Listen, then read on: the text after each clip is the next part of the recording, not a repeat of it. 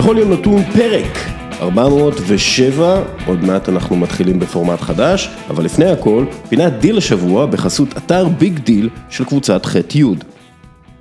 והפעם, ב-NBA, כהרגלם, עושים את מה שנכון לעשות בזמן מגפה עולמית. הליגה הגיעה לסיכום עם איגוד השחקנים על כך שהשחקנים המחוסנים לא יסבלו מהגבלות מחמירות, בעוד שהשחקנים הלא מחוסנים יצטרכו לעבור בדיקה מדי יום, לעטות מסכה במקומות סגורים ולהיות די מופרדים משאר חברי קבוצתם, זה די מה שהלך בזמן המגפה כשלא היו חיסונים. ככל הידוע, שחקנים שלא מחוסנים לא יוכלו לשחק בניו יורק או סן פרנסיסקו, והם לא יקבלו שכר על המשחקים שהם לא יכולים לשחק בהם.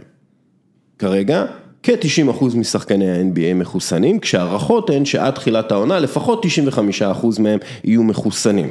בארצות הברית רק 55% מהאוכלוסייה מחוסנים, כך שמדובר על הצלחה גדולה של הליגה. ולגבי נגיד אנדרו ויגנס, האיש הזה שמסרב להתחסן ואפילו אמר שהוא מוכן להילחם על מה שהוא מאמין בו עד ששאלו אותו במה אתה מאמין ואז הוא ענה לא עניינכם, אז קודם כל זה כן ענייננו, חלאס עם זה, מדובר במגפה עולמית, כמעט חמישה מיליון מתים, יהיו שישה מיליון מתים, יהיו יותר, זה בטוח, אז זה כן ענייננו, אם אתה לא מוכן לקבל חיסון שהתגלה כבטוח, הדרך הבטוחה ביותר שלנו חזרה לחיים נורמליים, אז אתה לא תוכל להיות שחקן במאה אחוז בליגה הזאת. זה חלק מהחוקים, מובן לחלוטין, ולא צריך לצאת למחאה נגד הדבר הזה. רוב גדול של השחקנים היו חייבים לעבור חיסונים כדי להתקבל לבית ספר יסודי בארצות הברית. זה החוקים בארצות הברית. בטקסס, שם המושל טד קרוז אומר ששחקנים לא חייבים לקבל חיסון.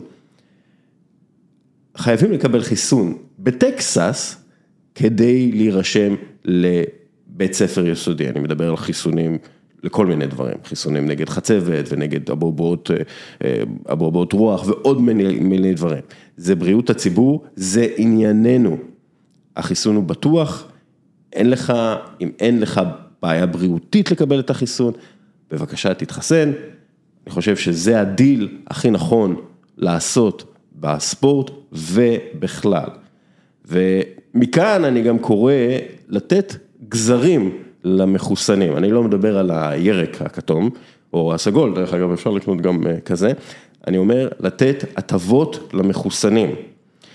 יש הגבלות על כולם, תנו את ההטבות למחוסנים. למשל, ילדים של מחוסנים לא יצטרכו לעבור בדיקה כדי לשבת במסעדה או ללכת למשחק כדורגל.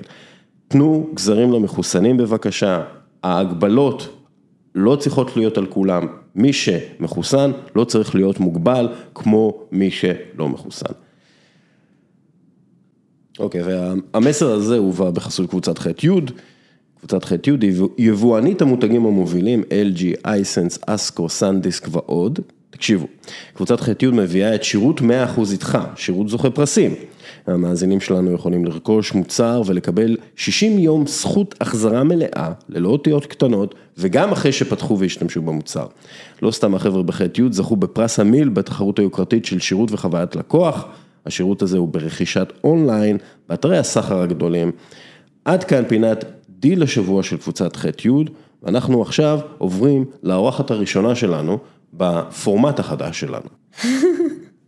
אוקיי, okay, ועכשיו לפורמט החדש שלנו, שזה בעצם ראיונות עומק עם מנהיגים בתעשיית הספורט, בעיקר הישראלית, אני מקווה שיגיעו גם מחו"ל, ואני רוצה להתחיל את העניין הזה עם חברה טובה, דפני גולדשמיט, היא האישה הראשונה שנבחרה לנהל קבוצת אוהדים בישראל, את קבוצת האוהדים הראשונה בכדורגל הישראלי, הפועל קטמון ירושלים, עכשיו היא הפועל ירושלים, אבל היא התחילה הפועל קטמון ירושלים. אני רוצה להציג אותה על ידי הקראת משהו שכתבתי עליה באפריל 2010, שזה היה משחק העלייה של הפועל קטמון ירושלים ב... לליגה ב'. דפנה גולדשמיט, אני מקריא עכשיו. כן, כן. דפנה גולדשמיט, בסוגריים, דפס, מתרגשת. היא לא, מצ... היא לא מצליחה להסדיר את הנשימות שלה. היא קטנת מימדים ואנרגטית, היא בת 24 ועובדת בהייטק. אל תצפו לראות הרבה טיפוסים כמוה במגרשי הכדורגל בישראל. לטדי הגיע שלוש שעות לפני שריקת הפתיחה, כדי לקשט את האיצטדיון עם חבריה. סבא היה דן הורוביץ, זיכרונו לברכה.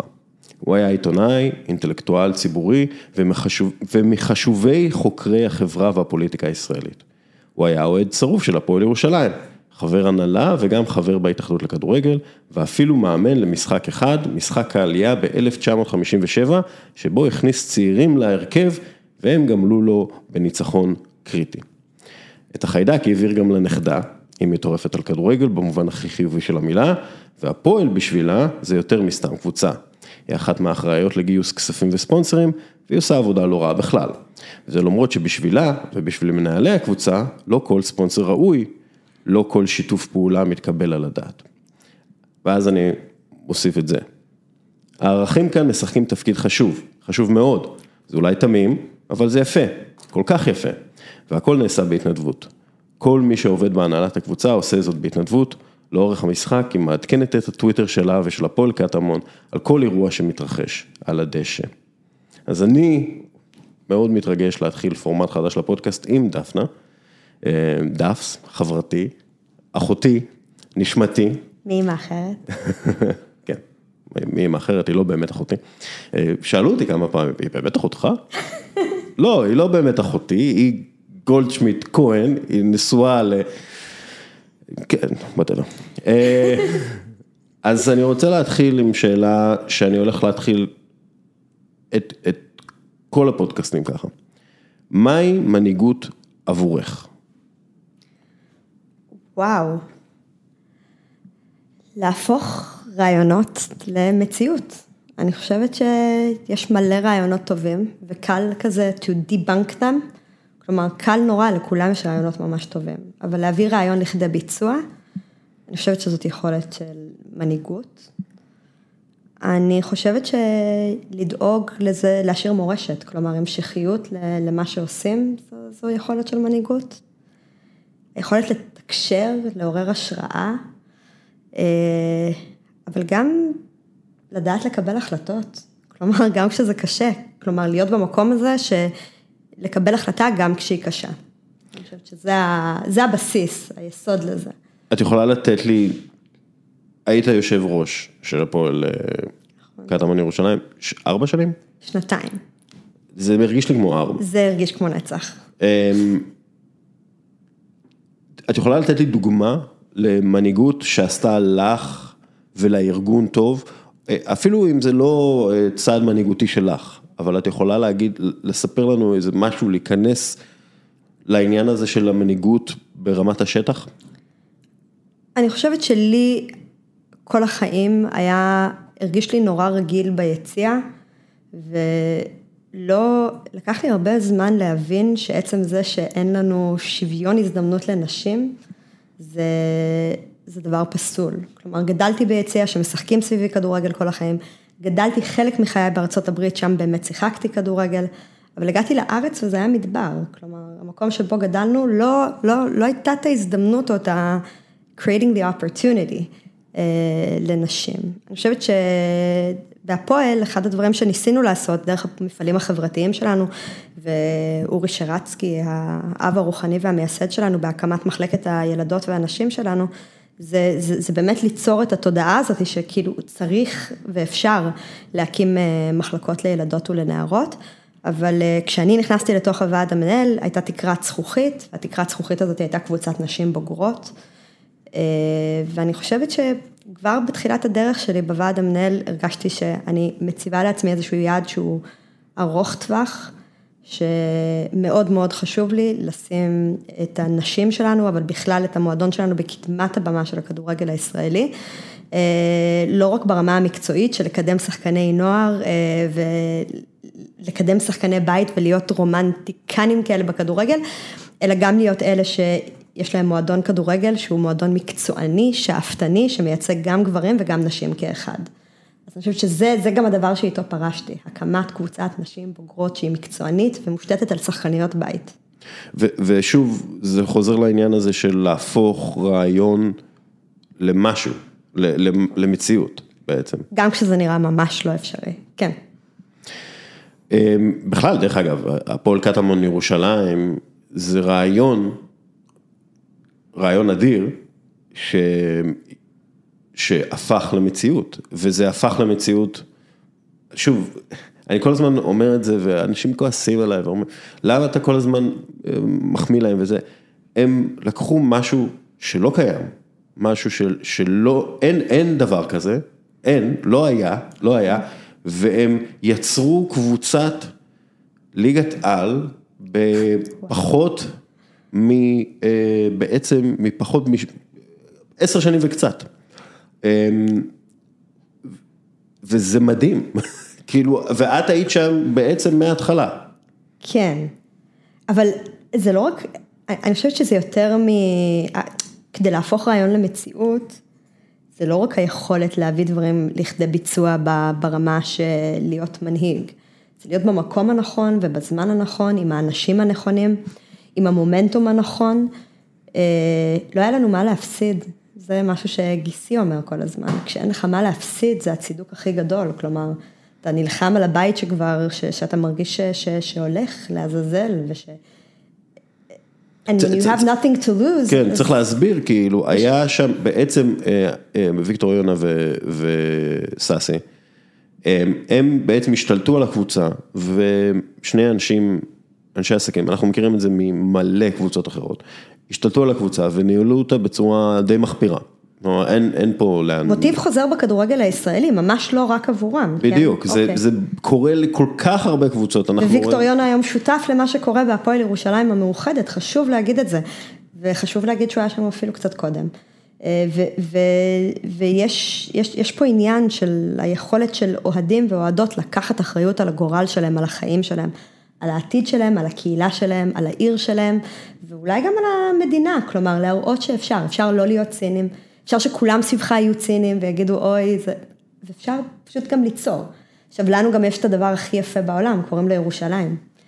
אוקיי, זה כנראה משהו ש... על זה נתווכח. כן. על, זה, על זה אפשר להתווכח, אבל, אבל זה, זה משהו שכנראה אין לאחרים. זה באמת נתן לנו את האפשרות בזמן שבצד השני של העיר יש משהו מאוד גזעני שפשוט הלך והידרדר גם בגלל בעלות כושלת במשך שנים שראינו בביתר ירושלים, אבל זה גם צוואר בקבוק שיכולנו להיכנס אליו, ליצור מחלקת נוער לתפארת ואקדמיה עם פנימייה ורצף גילאים וקבוצות עם הישגיות, אבל גם האדם שהולך לפני השחקן.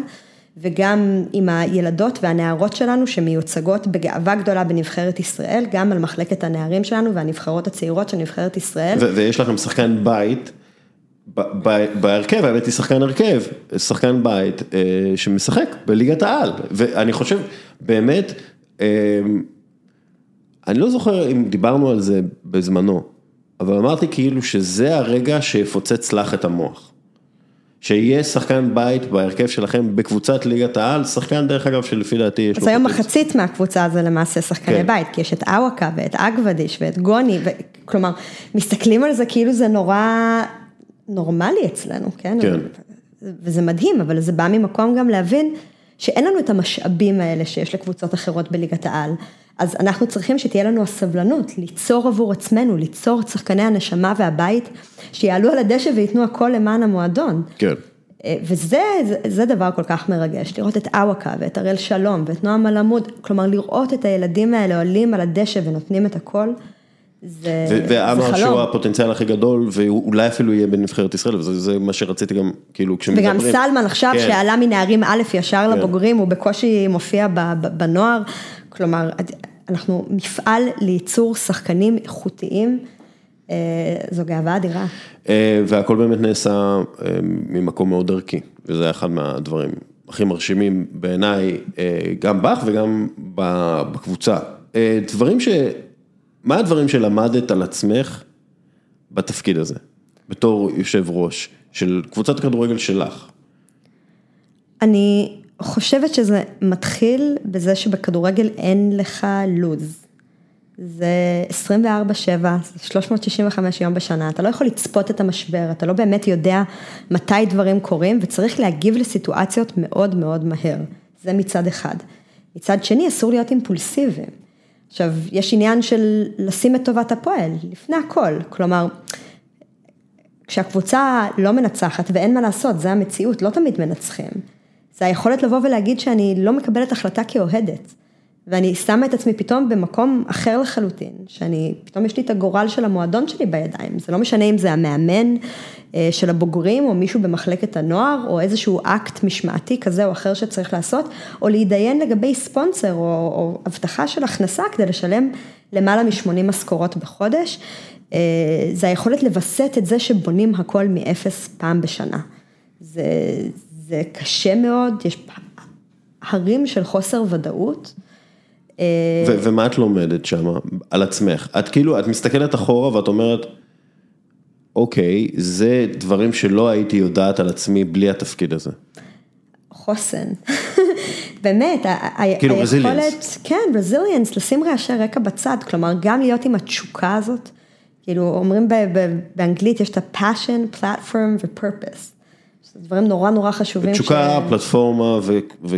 כוונה, הכוונה. אבל אבל גם מצד שני, גם להיות בפוקוס הזה, שלצד האחריות והחוסן, צריך גם לזכור שיש פה תשוקה אדירה ואהדה, שכנראה היא סוג של מצפן עבורנו, כן? אנחנו תמיד אומרים שהקבוצה הבוגרת זה הקטר שמוביל את הרכבת, אבל זה לא רק זה. זה, זה באמת היכולת גם לראות את העתיד ולראות את דור העתיד שכבר היו תינוקות ביציאה לפני 15 שנה, והיום הם נערים צעירים ועומדים בתוך היציאה המעודד, וזה זה מלמד המון, כי נורא קל לרצות פשוט להרים ידיים. כן. ו, וזה מלמד שכשאין בעל בית אה, ואין יד להכניס לכיס, כי יש טעויות, שמנעד הטעויות הרבה יותר קטן, אז זה מלמד כמה חשוב ההון האנושי, כלומר, האנשים שהופכים לעובדים במועדון, זה שי אהרון שנמצא בחזית, שכולם שומעים עליו, אבל זה גם ליאור חוג'ה, שמנהל את האקדמיות שלנו ואת המפעלים החברתיים.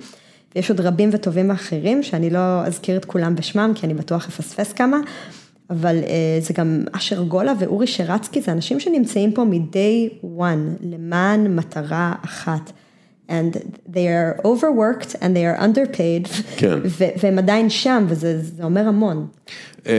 באמת, איך בוחרים אנשים לעבוד איתם? כי אוקיי, נכון, יש את אה, גולה ושרצקי וחוג'ה ועוד הרבה אנשים שהיו שם מההתחלה, בעצם סוג של אה, אחים שלך למטרה.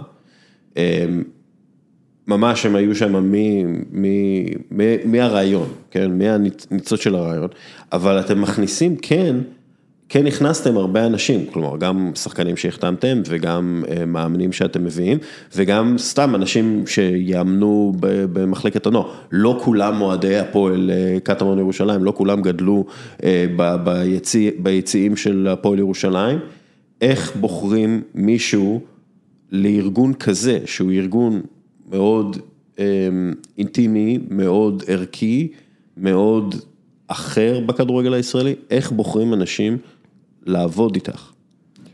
אני חושבת שלא תמיד היינו טובים, כלומר יש לנו גם טעויות, כן? זה לא, שום דבר לא מושלם.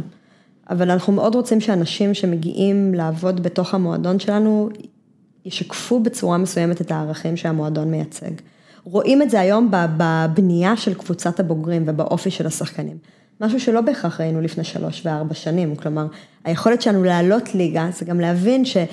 יש שחקנים שפחות יתאימו לנו, יכול להיות שהם יתאימו לנו אז. מבחינה אנושית כאילו? כן, מבחינה אנושית ומה הם מייצגים, זה, זה נורא נורא נורא חשוב, אבל לא הכל כזה יפה, צריך לזכור בכדורגל בסוף, אחד הדברים הכי חשובים שאתה לומד זה שדברים שרואים משם לא רואים מכאן. כן. כלומר, אני הבחירה שלי to step down, ללכת אחורה, זה לחזור לאהוב את המשחק. כי פתאום אני שמה לב שחמש שנים וחצי, אני עסוקה במשחק הבא, אני לא מספיקה ליהנות מהניצחון. כשמפסידים או שיש רצף של משהו פחות טוב, אז אני, יש עליי את הנטל של להסתכל על האנשים האהובים והקרובים לי ולהיות עם האחריות. אה, ופשוט לרצות לחזור, פשוט לאהוב את המשחק על ה-0, 1 או 3, ולהיות חלק מזה, ולא לראות את כל מה שקורה מאחורי הקלעים, שזה לא תמיד הדבר הכי יפה. אני עבדתי בפיצה במשך כמה שנים, ולא יכלתי לאכול פיצה, אחרי, כאילו, ופיצה זה, אני אוהב פיצה, ולא יכלתי, כמה שנים לא הייתי יכול לגעת בפיצה. אתה קורא לפיצה את פיצה, זה כבר דיון אחר, אבל כאילו זה... היי, זה, זה, ב, ביחס לפיצות האחרות האמריקאיות שהגיעו לישראל, פיצה לא רע. אמ, אבל כן, חברים, אם אתם לא רוצים לאכול שמן, אל תאכלו בפיצה. אה, אבל... אבל איך בוחרים? כלומר, את מגיעה, אני מתאר לעצמי שזה סוג של רעיון עבודה, איך למשל בוחרים מאמן? זה, זה הצוות המקצועי, כלומר, הנה עוד חלק של להיות בהנהלה. אנחנו, אם אתה זוכר, אז ב-2016, אנחנו למעשה ירדנו, בעלייה הראשונה שלנו לליגה הלאומית כקטמון, גם ירדנו ליגה. והתמזל מזלנו וירדנו ליגה לליגה א' צפון, אז גם עלינו בחזרה לליגה הלאומית תוך שנה. אבל אני חושבת ששם המושג הזה של המילה מיזם אה, הפך למועדון. שם הבנו שהרומנטיקה לא, מס, לא מספיקה. אה, באותה שנה היו הרבה מאוד ריבים בין מה שאז לא הייתה מנהלת, אה, הייתה התאחדות לכדורגל, לא היה הסכם עם הטוטו, היו משאבים משמעותיים שלא הגיעו. אה, אני זוכרת שלפני הפלייאוף היינו נקודה מהפלייאוף העליון ועוד ירדנו ליגה, זה היה באמת, זה היה עונה מטורפת, אבל אני חושבת שבאותה עונה הבנו שאת העניין המקצועי צריך להשאיר למקצוענים, ומשם גם הגיעה ההחלטה, ש... ושזה לימים הוועד המנהל שאני הגעתי אליו בדיעבד, אבל ירון דואק שעמד בראשו במשך שנים. זאת הייתה הבנה שצריך להביא מישהו שיהיה הגורם המקשר הזה בין המקצועי והכדורגל למועדון, כי אנחנו לא יכולים לעשות הכל. ושם שי אהרון הגיע מהדשא להיות מנהל מקצועי. וגם שם הגיעה ההבנה שמי שהיו אז בוועד, ירון ומרקוס ואיתן פרי ועוד אנשים רבים וטובים ואחרים, ש, שאנחנו חייבים את זה, שאנחנו, יכול להיות שאנחנו מדברים בערכים ודברים טובים ואנחנו מביאים שותפים לדרך, אבל כדורגל צריך אנשי כדורגל.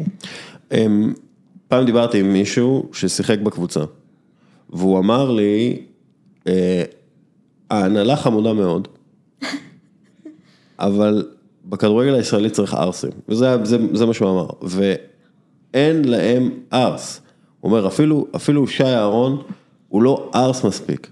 ועכשיו, ניסיתי להסביר לו, אוקיי, ניסיתי לא להסביר לו, לשאול אותו, כאילו להבין מה הוא מתכוון. הוא אומר, תראה, מי, מי הכי מצליח? זה אלי טביב. אל תביב, יש לו את החוש, את החוש האינסטינקטי, את החוש החייתי, הוא יודע מתי לחתום וזה. עכשיו, אלי... איפה תביב היום? נכון, אוקיי. אה, אה, את יודעת, מן הסתם, אנחנו, בגלל זה אנחנו מדברים, מה שנקרא. אבל באמת, אה, וכמובן, בתוך המילה הזאת יש קונוטציה גזענית מאוד, והכל, אתה יודע, הרבה פעמים צוחקים עליכם, אתם אשכנזים, אתם זה, אבל בסופו של דבר, יש, הכדורגל הישראלי זה לא כמו לנהל... זה אפילו לא כמו לנהל מכולת, כן? זה, זה לנהל, לא, לא הייתי אומר ג'ונגל, אבל כן יער מאוד מאוד עבה, שיש בו הרבה מאוד סכנות והרבה מאוד זאבים, ווואלה, אפילו אלונה ברקת עם כל הכסף שהגיע איתו, הייתה צריכה את השנים האלה כדי ללמוד איך לנהל, איך לבחור את האנשים הנכונים, כלומר, יש פה עניין שבאמת צריך לדעת ולהבין, אפילו מיץ' גולדהר, היה צריך שנתיים נוראיות כבעלים, כדי להבין שאם הוא רוצה לשנות משהו, הוא צריך לעקור לחלוטין את מה שהיה מקודם. אתם לא עשיתם את זה, אתם לא עקרתם שום דבר, אתם המצאתם, גדלתם לתוך הסיטואציה הבעייתית משהו, אה, שיש קבוצה נוספת, כאילו הקבוצה המקורית, ו... אתם חייתם בעולם מסוכן מאוד מבחינתכם, וכן, אתם כן מצליחים, כלומר, איך עושים את זה? אז דבר ראשון, הכדורגל הישראלי השתנה. אני אתחיל בזה שמיץ' okay. אוקיי. גולדארט שינה את הכדורגל הישראלי. אני חושבת שאפשר, אי אפשר להתעלם מזה. הכדורגל הישראלי השתפר ונראה יותר טוב ברמה הרוחבית, בזכות מה שנעשה בהגעה שלו לכדורגל הישראלי. Okay. אוקיי. חושבת שאלונה מאוד מאוד התאימה את עצמה לזה, זו באמת זירה מאוד קשה. אבל גם הכדורגל הישראלי היה אז במקום אחר. וההתאחדות לכדורגל, אני חושבת שנשאר איזשהו בור מאוד מאוד גדול כשאבי לוזון הפסיק להיות יושב ראש ההתאחדות, כי דווקא שם כן, בשנים האחרונות של אבי לוזון, כן הייתה צמיחה של הכדורגל הישראלי. וחבל ההצלה היה הקמת מנהלת הליגות. כלומר, זה לא הכל אנחנו, אני חושבת שגם... בתוך האבולוציה הזאת, אנחנו הצלחנו להיטמע לתוך האבולוציה, אבל הכדורגל הישראלי השתנה, והשתנה לטובה. יש כל כך הרבה לתקן, זה ברור, פר קפיטה, כאילו אין לנו מספיק מגרשים, אנחנו לא מכשירים מספיק שחקנים ושחקניות, זה בטוח, אה, ויש המון ביקורת, אבל גם צריך להסתכל על הדברים הטובים. המנהלת שינתה את פני הכדורגל, היא הגיעה בזמן שזה היה הכרחי כדי להציל את הכדורגל הישראלי מעצמו. כי אני לא רוצה ללכת על שמות על האנשים שהיו פה בכדורגל אז, אבל אנשים שלא מחמיאים לשם של ליגת העל והכדורגל הישראלי, אה, וכנראה שגם לא עשו לו יותר מדי כבוד. אה, וזה התנהל בצורה שכנראה לא, לא הייתה יכולה להתנהל לעוד הרבה מאוד זמן בצורה הזאת. אני חושבת שהבעלות, הבעלות שלנו, בגלל שאנחנו, אתה אומר, לא היה, לא היה משהו כמוכם קודם, זה נתן לנו מרחב תנועה. אף אחד לא באמת ידע איך להכיל אותנו, לקרוא אותנו, זה לא משנה אם זה השותפים הכלכליים שלנו, או, או מי שת... או אפילו גוף, קבוצות כדורגל אחרות, זה לא, זה לא ממש משנה, לא ידעו איך לקרוא אותנו. עכשיו, תמיד כששואלים אותי, אז מה, המודל אוהדים זה המודל הנכון? לא, זה... יכול להיות יותר ממודל אחד, כלומר, יכול להיות ינקלה שחר ומיץ' גולדהר ואלונה ברקת, וגם יכול להיות הפועל קטמון ירושלים ומכבי יפו, והפועל ירושלים החדשה, ויכולים להיות, והפועל פתח תקווה, כלומר, או מכבי עירוני אשדוד, ויש לך כל כך הרבה אופציות לבעלות בכדורגל הישראלי. המנעד הזה של בעלות אוהדים הוא מאוד שונה בכל קבוצה בארץ, ויש היום 14 עמותות אה, אוהדים, כלומר, זה מספר ממש... לא מבוטל בכדורגל הישראלי. ההצלחה האמיתית שלנו כהפועל ירושלים תהיה ביום שיהיו עוד קבוצות מיוצגות בליגה הלאומית ובליגת העל, כלומר להראות שהמודל הזה הוא אפשרי כדי לקיים קהילות וכדורגל הישגי. ו... ועדיין, למרות השינויים ולמרות, בוא נגיד, אה, עיבוד היער, אה, היו הרבה מאוד בעיות. גם, בר, גם, ברמ, גם ברמת השטח, את יודעת, משחקנים מאוד מאוד בעייתיים ברמה האתית, והיו לכם בעיות. אז איך כאילו יודעים שעושים עבודה גרועה? ואז איך יודעים איך לשפר את זה? עכשיו, עבודה גרועה זה לא, כן, עשינו משהו נורא ואיום וכאילו עשינו פשע, אבל כן בחרנו שחקן לא נכון, כן אה, אה, החלטנו להשקיע לא נכון במקום מסוים, אה, איך יודעים את זה? shit happens, כלומר זה, לא, זה, ברור לא, ש-shit happens, אני אומרת, אבל זה הכדורגל, אתה, אם היית צודק כל הזמן המשחק לא היה כזה אטרקטיבי, כלומר זה היכולת של הניסוי וטעייה, זה כמו זה שיש לנו שנתונים מדהימים בנוער, אבל לא תמיד זה יהיה ככה, יכול להיות שפתאום יהיה לך שנתון פחות טוב ופחות מוצלח. כלומר, זה כנראה כל הקסם בכדורגל, העובדה שזה כל כך לא צפוי.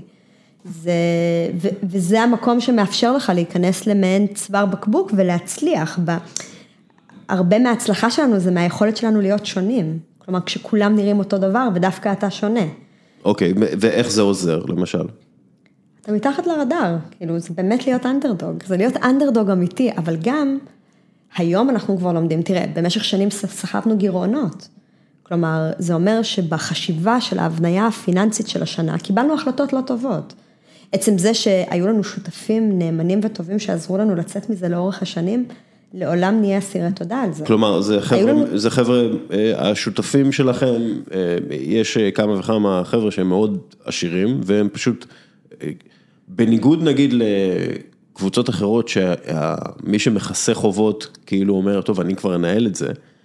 אצלכם, הוא אמר, אני מכסה עבורכם את החובות, אתם מנהלים את זה.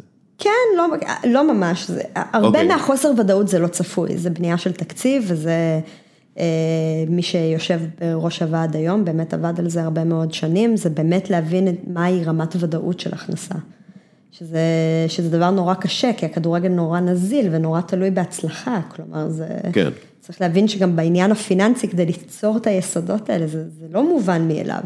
בסוף ההכנסה מהאוהדים זה מיליון, מיליון וחצי שקל בשנה, ופתאום עלית לליגת העל, אז זה חמישה אחוז מהתקציב, זה היה עשרה אחוז לפני שנה, אבל היום זה חמישה אחוז, או אולי אפילו פחות, כלומר, צריך להבין איך אתה יוצר את העוגנים ארוכי הטווח, אבל גם את הביטחונות האלה שהשותפים הכלכליים שלך שאנחנו לא קוראים להם ספונסרים, הם שותפים שלנו לדרך, אה, יכולים לאפשר לנו לטעות, ועובדתית היום אין כאלה טעויות, כלומר החשיבה הפיננסית היא הרבה יותר מפוקחת, יש אחריות, אתה לא משלם 15 משכורות או 30 משכורות עכשיו, אתה משלם 70 ו-80 ו-90, יש אחריות אדירה, אני אומרת היום, אני לא בוועד המנהל ואני ישנה בשקט בלילה, אבל אני יכולה להיות בטוחה שמי שיושבים היום בוועד המנהל לא בהכרח ישנים בשקט בלילה. כי יש אחריות אדירה על הקריירה של אנשים, זה מצד אחד, ומצד שני, המשכנתאות שלהם והחוגים של הילדים והאוכל על השולחן, וזה דבר... אנחנו מדברים בעיקר על השחקנים, כאילו ש... השחקנים ועובדי המועדון. ועובדי המועדון זאת מעטפת אדירה כדי לקיים את כל הפעילות החברתית והקהילתית והמקצועית שלנו, זה דורש כוח אדם. פעם... כמה עובדים יש בקו? לדעתי מעל 80, אולי אפילו, כן. כן. כולל השחקנים, הצוות המקצועי, מחלקות נוער, נערות, נשים, פרויקטים חברתיים, זה, זה חתיכת מפעל בירושלים. כן. כן. אבל זה צומח. אני חושבת שאחד הדברים הטובים זה שהיכולת שלנו לצמוח, אנחנו צומחים גם אורכית וגם רוחבית, לא בצורה מטורפת. כלומר, אפילו שהקפיצה בתקציב השנה הייתה מאוד מאוד גדולה, דווקא הכוח אדם, כן הוספנו כוח אדם, אבל המועדון, הוא לא הגיע למצב שהוא לא יכול לנהל את עצמו. כלומר, אנחנו לא קופצים מעל הפופיק של עצמנו, ואז אתה נורא תלוי בניהול של האנשים שנמצאים בשטח ביום יום, כי אתה, אתה גם מועדון כדורגל, אתה לא רואה את כולם, אין לנו בית, צריך לזכור את זה. כלומר, יש לנו משרדים מאוד יפים באוניברסיטה העברית, וזה נורא נחמד, ויש לנו מתקן אימונים שהוא לקבוצת הבוגרים שלנו, אה, ולחלק מקבוצות הנוער והנערות והנשים שלנו, אבל אין לנו בית, מקום שכולם מתכנסים בו עם מגרש, אנחנו עדיין תלויים מאוד בעירייה. אנחנו תלויים בעיר שהיא מאוד ענייה, אה, ענייה במתקנים, אבל גם ענייה במשאבים. אה, וזה באמת היכולת כל הזמן לרקוח ולנהל את זה, אני חושבת ששם החשיבות של דור המייסדים, של האנשים שנמצאים שם כן. מ-day one, שאתה מדבר על ההון האנושי, אז קודם כל תשמר את ההון האנושי שיש לך. אה, דווקא אני עכשיו אלך למישהו שלא חשבתי שאני אדבר עליו, אבל הנה, גולן חרמון.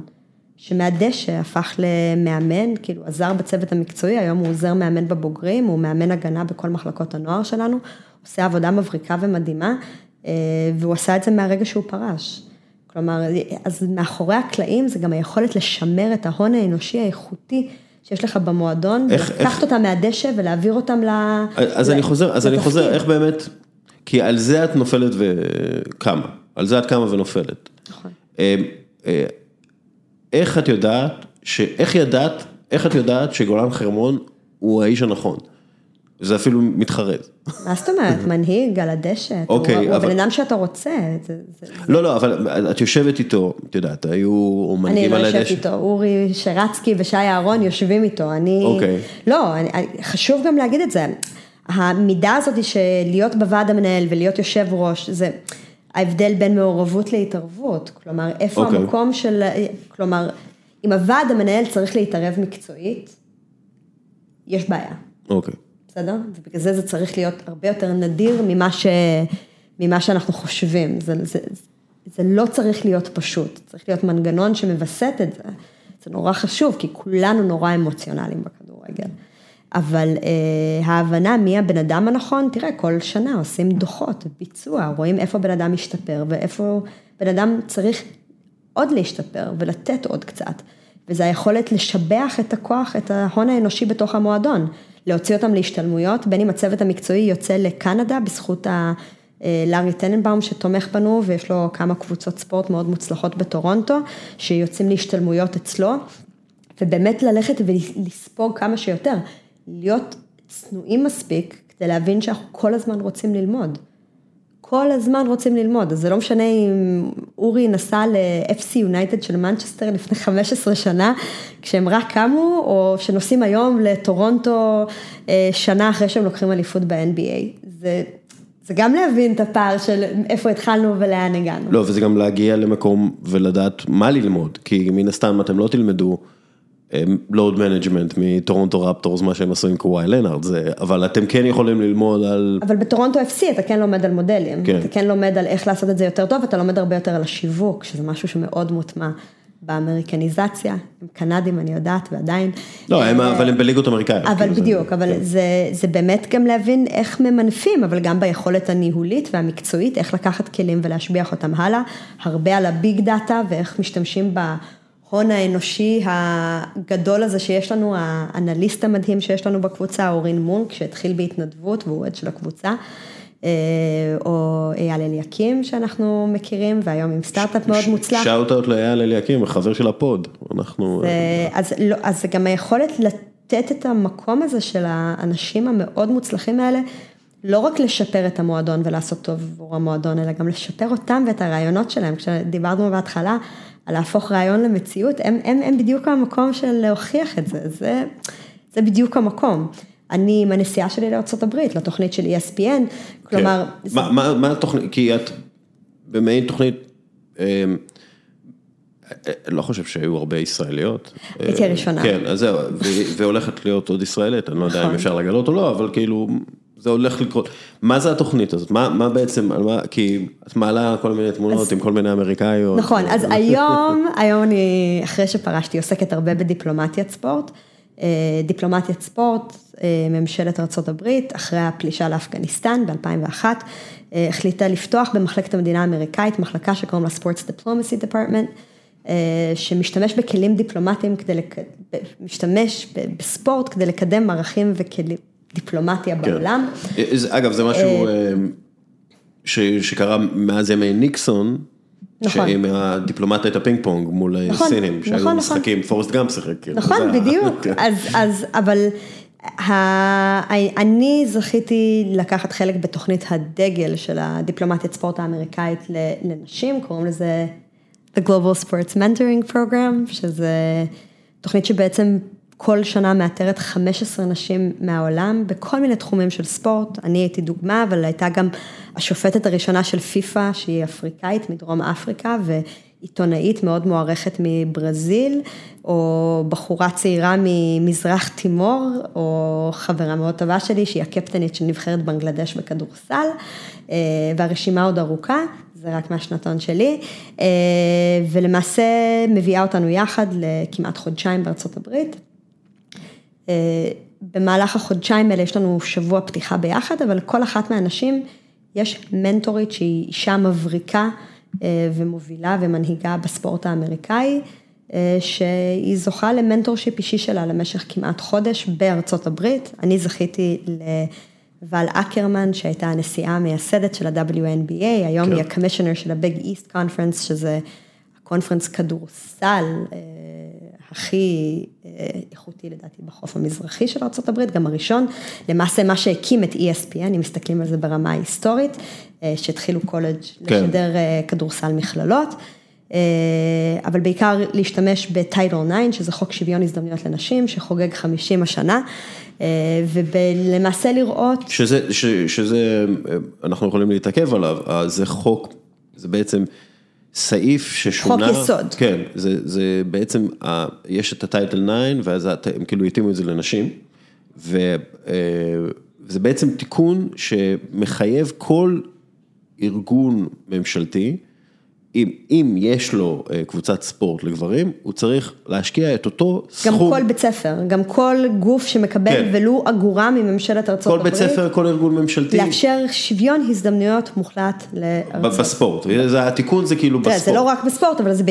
הדגש הגדול ביותר שאנחנו רואים היום זה, זה לא, לא, הספורט. לא, לא, אז אני אומר, יש את הטייטל 9, ואז כאילו יש את התיקון לטייטל 9, שזה, שזה בדגש לספורט, וזה בחוקה האמריקאית. ומאז בעצם אה, ארצות הברית, לקח הרבה זמן עד שזה התחיל, זה בעצם התחיל באופן אה, מעשי. רק בסוף שנות ה-80. כי לקח זמן, כי אתה שותל את הזרעים ולוקח זמן שהעץ יצמח. כן, ומאז אנחנו רואים שהספורטאיות האמריקאיות הן הספורטאיות הטובות בעולם. נכון. כאילו בכלל בלי ספק, הם כאילו, אוקיי, בריצה יש את ג'מייקה, אבל בכל דבר אחר הספורטאיות האמריקאיות באמת הכי טובות בעולם. אפילו בכדורגל שהאמריקאים לא... כן, בכדורגל זה, זה הכי בולט, אבל... אבל את שמה בארגון הזה, ומה את, את יודעת, מה את, מה את לוקחת ממה שאת לומדת, ואת אומרת, אוקיי, אני יכולה ליישם את זה פה בכדורגל הישראלי, או אני יכולה ליישם את זה פה בניהול של, לא יודע, תראה, מה הדברים שאת לוקחת? זכיתי כנראה למנטורית אה, הכי מוערכת שיש בתוכנית, ואני הייתי בתוכנית בשנה השביעית או השמינית שלה, אה, אבל זכיתי למנטורית שיושבת בוועד המנהל של US Soccer, שזה ארגון ההתאחדות לכדורגל האמריקאית, והיא ישבה כנציגה של ארה"ב בפיבה במשך שנים רבות, ובכלל אישה מאוד מאוד חזקה, שכל פגישה שיכולתי רק לדמיין עליה, בין אם זה עם ה-MLS, ה-NHL, עם הוועד האולימפי המתכנן של המשחקים ב-2028, ישיבות ועד מנהל של US סוקר בפריסקו בטקסס, זכיתי ממנה ללימוד, ולמעשה, היכולת לנסות לעשות אדפטציה למציאות ולמקום שבו אני נמצאת. אה, תראה, חזרתי משם וזכיתי להביא הרבה מאוד משאבים להפועל, אז כנראה שלמדתי שם דבר או שניים. אבל בעיקר... כאילו, משאבים זה בעצם אה, גיוס כספים, כן. גם שותפות מאוד מאוד משמעותית עם שגרירות ארה"ב בישראל, עם USAID, עם ופא, עם הפאונדיישן של ופא ועוד רבים וטובים אחרים, אבל באמת לדעת לשים בקדמת הבמה את השוויון הזדמנויות שאנחנו מאפשרים במועדון, אבל גם את היכולת להכיל בעיר כל כך מורכבת, כל כך הרבה דמויות, ולהשתמש בכדורגל כמצע לניהול קונפליקטים, אה, והבנתי שלא צריך להתנצל על זה. אה, על זה מה? משהו שהאמריקאים, כלומר, מאוד מאוד מעניינים. על מה להתנצל? על מה לא צריך להתנצל? על לבקש משאבים, שזה לא אוקיי. charity, שזה לא תרומה, שיש פה באמת עשייה מאחורי זה ואימפקט, וזה ארוך טווח.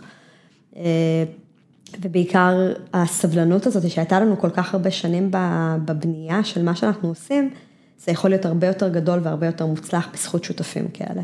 אני חושבת שזה משהו שהיה לי נורא נורא חשוב במערכת יחסים שלי עם, עם הפועל ובתוך התפקיד כ, כיושבת ראש. אה, וזה, גם התוכנית לא נגמרת למעשה, אני ממשיכה, כן. כלומר, אני כל הזמן חלק מזה, והקהילה היא די גדולה, כבר יש למעלה מ-150 נשים אה, שהשתתפו בתוכנית, השנה תהיה השנה העשירית, קרין סנדל תצא השנה לייצג אותנו, היא תהיה הישראלית השנייה בתפקיד והיא תלך ל-NCAA וזה יהיה מרתק ומדהים. ואין דבר יותר משמח מזה שתהיה לי עוד שותפה ישראלית אה, שהייתה בתוכנית ושנוכל לפתח גם דברים יחד. גם חברת הפוד, קרין, מה המצב? girl power. כן. אז אני חושבת שזה... זה באמת היכולת של הרשת הבינלאומית המאוד מאוד גדולה הזאתי, לעשות ביחד. כלומר, אני יכולה לעזור לחברות שלי בבנגלדש או בברזיל או בדרום אפריקה או בזמביה, לפתח ולעשות פרויקטים יחד, והן יכולות גם לעזור לי. אה, וזה הדבר המדהים ברשת הזאת, שהיא פשוט, היא לא מסתיימת, ופתאום יש את ESPN כגיבוי, ואני יושבת ומתייעצת עם ג'ולי פאודי, כאילו, what the fuck, כאילו, אני, יש לי פתאום גישה די חופשית לשחקניות נבחרת אדירות בארצות הברית מצד אחד, מצד שני מנהלות בחירות ב-ESPN, או בגוגל, או בניו בלנס, או ב-NHL, MLS, ב-NCAA, בקונפרנסים, זה, זה לא נתפס. יש משהו שלמדת מ... משהו אחד ספציפי של, שאת יכולה לקחת מהדבר הזה ולהגיד, אוקיי, את זה את זה לא ידעתי ועכשיו אני יודעת את זה. שאנחנו שונות, אבל דומות. שהאתגרים בסוף, אה, זה משתנה ממקום, מתרבות ומציאות בכל מקום, אבל האתגרים שם, וזה מדהים כמה לפעמים לא מרגישים כמה אפשר לעזור ולהסתייע. כלומר, גם כאן זה היכולת להגיע צנועים למקום הזה ולהכיל ולספוג, אפילו שבהרבה מאוד מקרים דברים מרגישים נורא צפויים. שכאילו ידעתי את זה קודם, אבל פתאום מכניסים לך את זה לתוך איזושהי פורמה. אמריקאים כל כך אוהבים לשתף, בשונה מזה שלרוב מסתירים מידע ושומרים כזה את המידע אצלנו וקרוב לבטן, כאילו למנוע אה, תחרות או דברים כאלה. אני בן אדם שמאוד מאמין בגישה האמריקאית, אין מי שירים לי טלפון ולא יקבל ממני את כל המידע שצריך, ההצלחה של אחרים היא הצלחה שלי. אה, ו...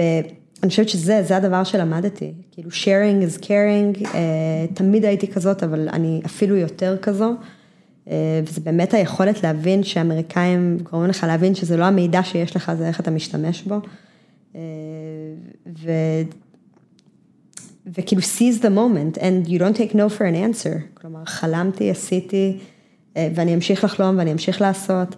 וזה הקטע הכיף בדיפלומטיית ספורט, זה כאילו, כן. יש, כאילו ההזדמנויות הן תמיד שם. מה, מה את רוצה עוד לעשות? בואי נשים את ה... את יודעת, בואי נשים את הבלונד אמבישן שלך על השולחן, יאללה, תגידי לא, מה. אני מאוד אוהבת את הדיפלומטיית ספורט, okay. כלומר הספורטס דיפלומסי שמתמקד מאוד. לא רק אגב ברמה האמריקאית והרשת שלי, אלא גם באירופה, אתה מכיר אותי גם כחברת ועד מנהל ב-SD Europe, שזה ארגון האוהדים, ארגון הגג של האוהדים באירופה, דש לטוני. דש לטוני, ושי גולוב, ועוד אנשים רבים וטובים אחרים שהיו חלק מהבנייה של זה. זה, זה היכולת להבין שהיו נשים חזקות וטובות לצידי שעזרו לי לאורך הדרך, לא רק נשים, גם גברים, אתה ביניהם. כלומר, המאבק הזה הוא לא מאבק נשי בלבד, הוא גם מאבק אה, שגברים הם חלק ממנו וחלק מהתיקון הזה וההצלחה שיש לנו. אה, ומה אני רוצה? אני רוצה את הכלים האלה להעביר הלאה לחברות שלי בכל מקום בעולם. אני היום זוכה לעזור לפתח פרויקטים במקום, במקומות שלא האמנתי, ועם ועדים פרה-אולימפיים באפריקה, ועם אקדמיות לכדורגל בסן פאולו, וזה מדהים, זו זכות אדירה. אה, לא חשבתי שלידע שלי יש כל כך הרבה כוח ומשמעות ומשאבים, אה, ולא חשבתי שמחלקת המדינה האמריקאית תעריך את זה כל כך, אה, אבל כנראה שזה גם החלק של להיות המוח הישראלי והיהודי שבדבר, זה היה כנראה... שמה זה אומר? לנצל הזדמנויות, זה ממש להיות עם חוצפה ישראלית, אבל בצורה דיפלומטית, כלומר, זה, היה לי דיון עם בן זוגי המקסים אתמול בלילה, והוא אמר לי משהו בסגנון, את דיפלומטיה מערבית ואני יותר של אה, מעצמות, אה, כן. או העות'מאנית. בדיוק, אז, אה, אז באמת היכולת לווסת את זה, זה, זה, זה להיות שם ולעזור ולקדם. וזה נורא חשוב לי, נורא חשוב לי, בין אם זה הילדות והנערות שלנו שהיום כבר נשים ולקדם אותן בתוך תחום דיפלומטיית הספורט, אבל בעיקר להבין שאם אני לבד אז לא עשיתי כלום. אני יודע שאת דיפלומטית והכל, אבל איזה דברים את לא מוכנה להתפשר עליהם? ביום יום, בניהול, בניהול הקבוצה. דברים שלא היית מוכנה להתפשר עליהם. תראה, היום אני כבר לא שם. אני יודע, כן. אבל אנחנו חוזרים לשם. אה, לא. זו שאלה קשה, כי זה נבחן תמיד בזמן אמת, אבל יש... אבל יש עקרונות כאילו שאת... כן, יש עקרונות, יש כסף שאסור לקחת, כן? אוקיי, מה זה אומר? זה שיש גורמים. ש... אני הולכת להגיד משפט באנגלית, אה, ציטוט, ש... No amount of charities in spending such fortunes can compensate in any way for the misconduct in acquiring them. אוקיי. Okay. בהרבה מאוד מקרים. ש, שזה בעצם לא משנה כמה כסף יש להם, אה, זה לא פיצוי למה שהם עושים. נכון, ו- ולפעמים זה גדול מדי, לפעמים... אגב, למשל היה ב... סתם אני לא אגיד שמות, בגלל לא, לא, זה אני לא אנחנו... מלבינה, אבל, אבל יש הבנה שלפעמים מי שמציע, אין לי בעיה להיות עניין תדמיתי למישהו שמנסה לשפר את הפנים שלו בעיר ירושלים, כן? כן? אבל יש לי בעיה שמישהו ברמה הגלובלית עושה הרבה מאוד נזק, ואז בא אלינו לעשות white washing, פחות הקטע שלי. כן. אה, אבל זה... דרך אגב, ראינו את זה בטד לסו. אה, עם ה... לא אוהבת. אני, כן, בלי ספוילרים וזה, אבל אה, יש שם איזה ספונסר. נכון. שהוא כאילו רוצה אה, דמות אה, של שחקן אפריקאי, בגלל הדברים שהוא עושה באפריקה וגורם נכון. באפריקה, והשחקן האפריקאי מבין את זה בסופו של דבר, וכאילו יוצאים נגד זה, לא משנה לא, בלי ספוילר. איזה must watch, כן. לעשות, לא להאמין שרק תהיה עוד עונה אחת, אבל מצד שני עדיף שזה ייגמר, שזה כן. לא ייהרס. בוא, כן, צריך, הדברים הטובים, בוא... אני בתור מי שגדלה בארצות הברית ומאוד אוהבת כדורגל, כלומר כל החיים הזה בקונפליקט של סאקר versus פוטבול, וכל הזמן צריכה לתקן אמריקאים על מה זה, מה זה פוטבול באמת, American football versus כן. the real football, כבוד הפוטבול האמריקאי, כבודו במקומו מונח, אבל אה, אני בשבילי זה היה מאוד מאוד פרסונלי, המקום הזה, אימא שלי גדלה באנגליה בין השאר, סבא שלי שנים עשה שם את הפוסט-דוק שלו. היה, ו... היה אפילו במנצ'סטר סיטי שם. נכון, גורדון בנקס היה הבייביסיטר של אימא שלי ודוד שלי, כלומר, כן, יש היסטוריה משפחתית אה, נהדרת באגף הזה. אה, אז, אז במקומות האלה, זה, הרגשתי הזדהות אדירה, כלומר, ב... אבל את אומרת כאילו יש כספים שלא לוקחים, וזה, זה, זה, כן, יש, יש את זה, זה, זה משהו, דרך אגב זה משהו, זה לא היה ככה תמיד, לא, אני חייבת לא, להגיד אבל... כי היום אם תסתכל לאחור יש אנשים שהייתי אומרת אוקיי, אולי לא היינו צריכים. אבל כאילו, את יודעת, כספים שלא לוקחים זה משהו של, נגיד בהרבה מקומות בכדורגל הישראלי אין, כלומר אין, אין, זה לא, זה משהו שכן מתפשרים עליו בכדורגל הישראלי הרבה פעמים.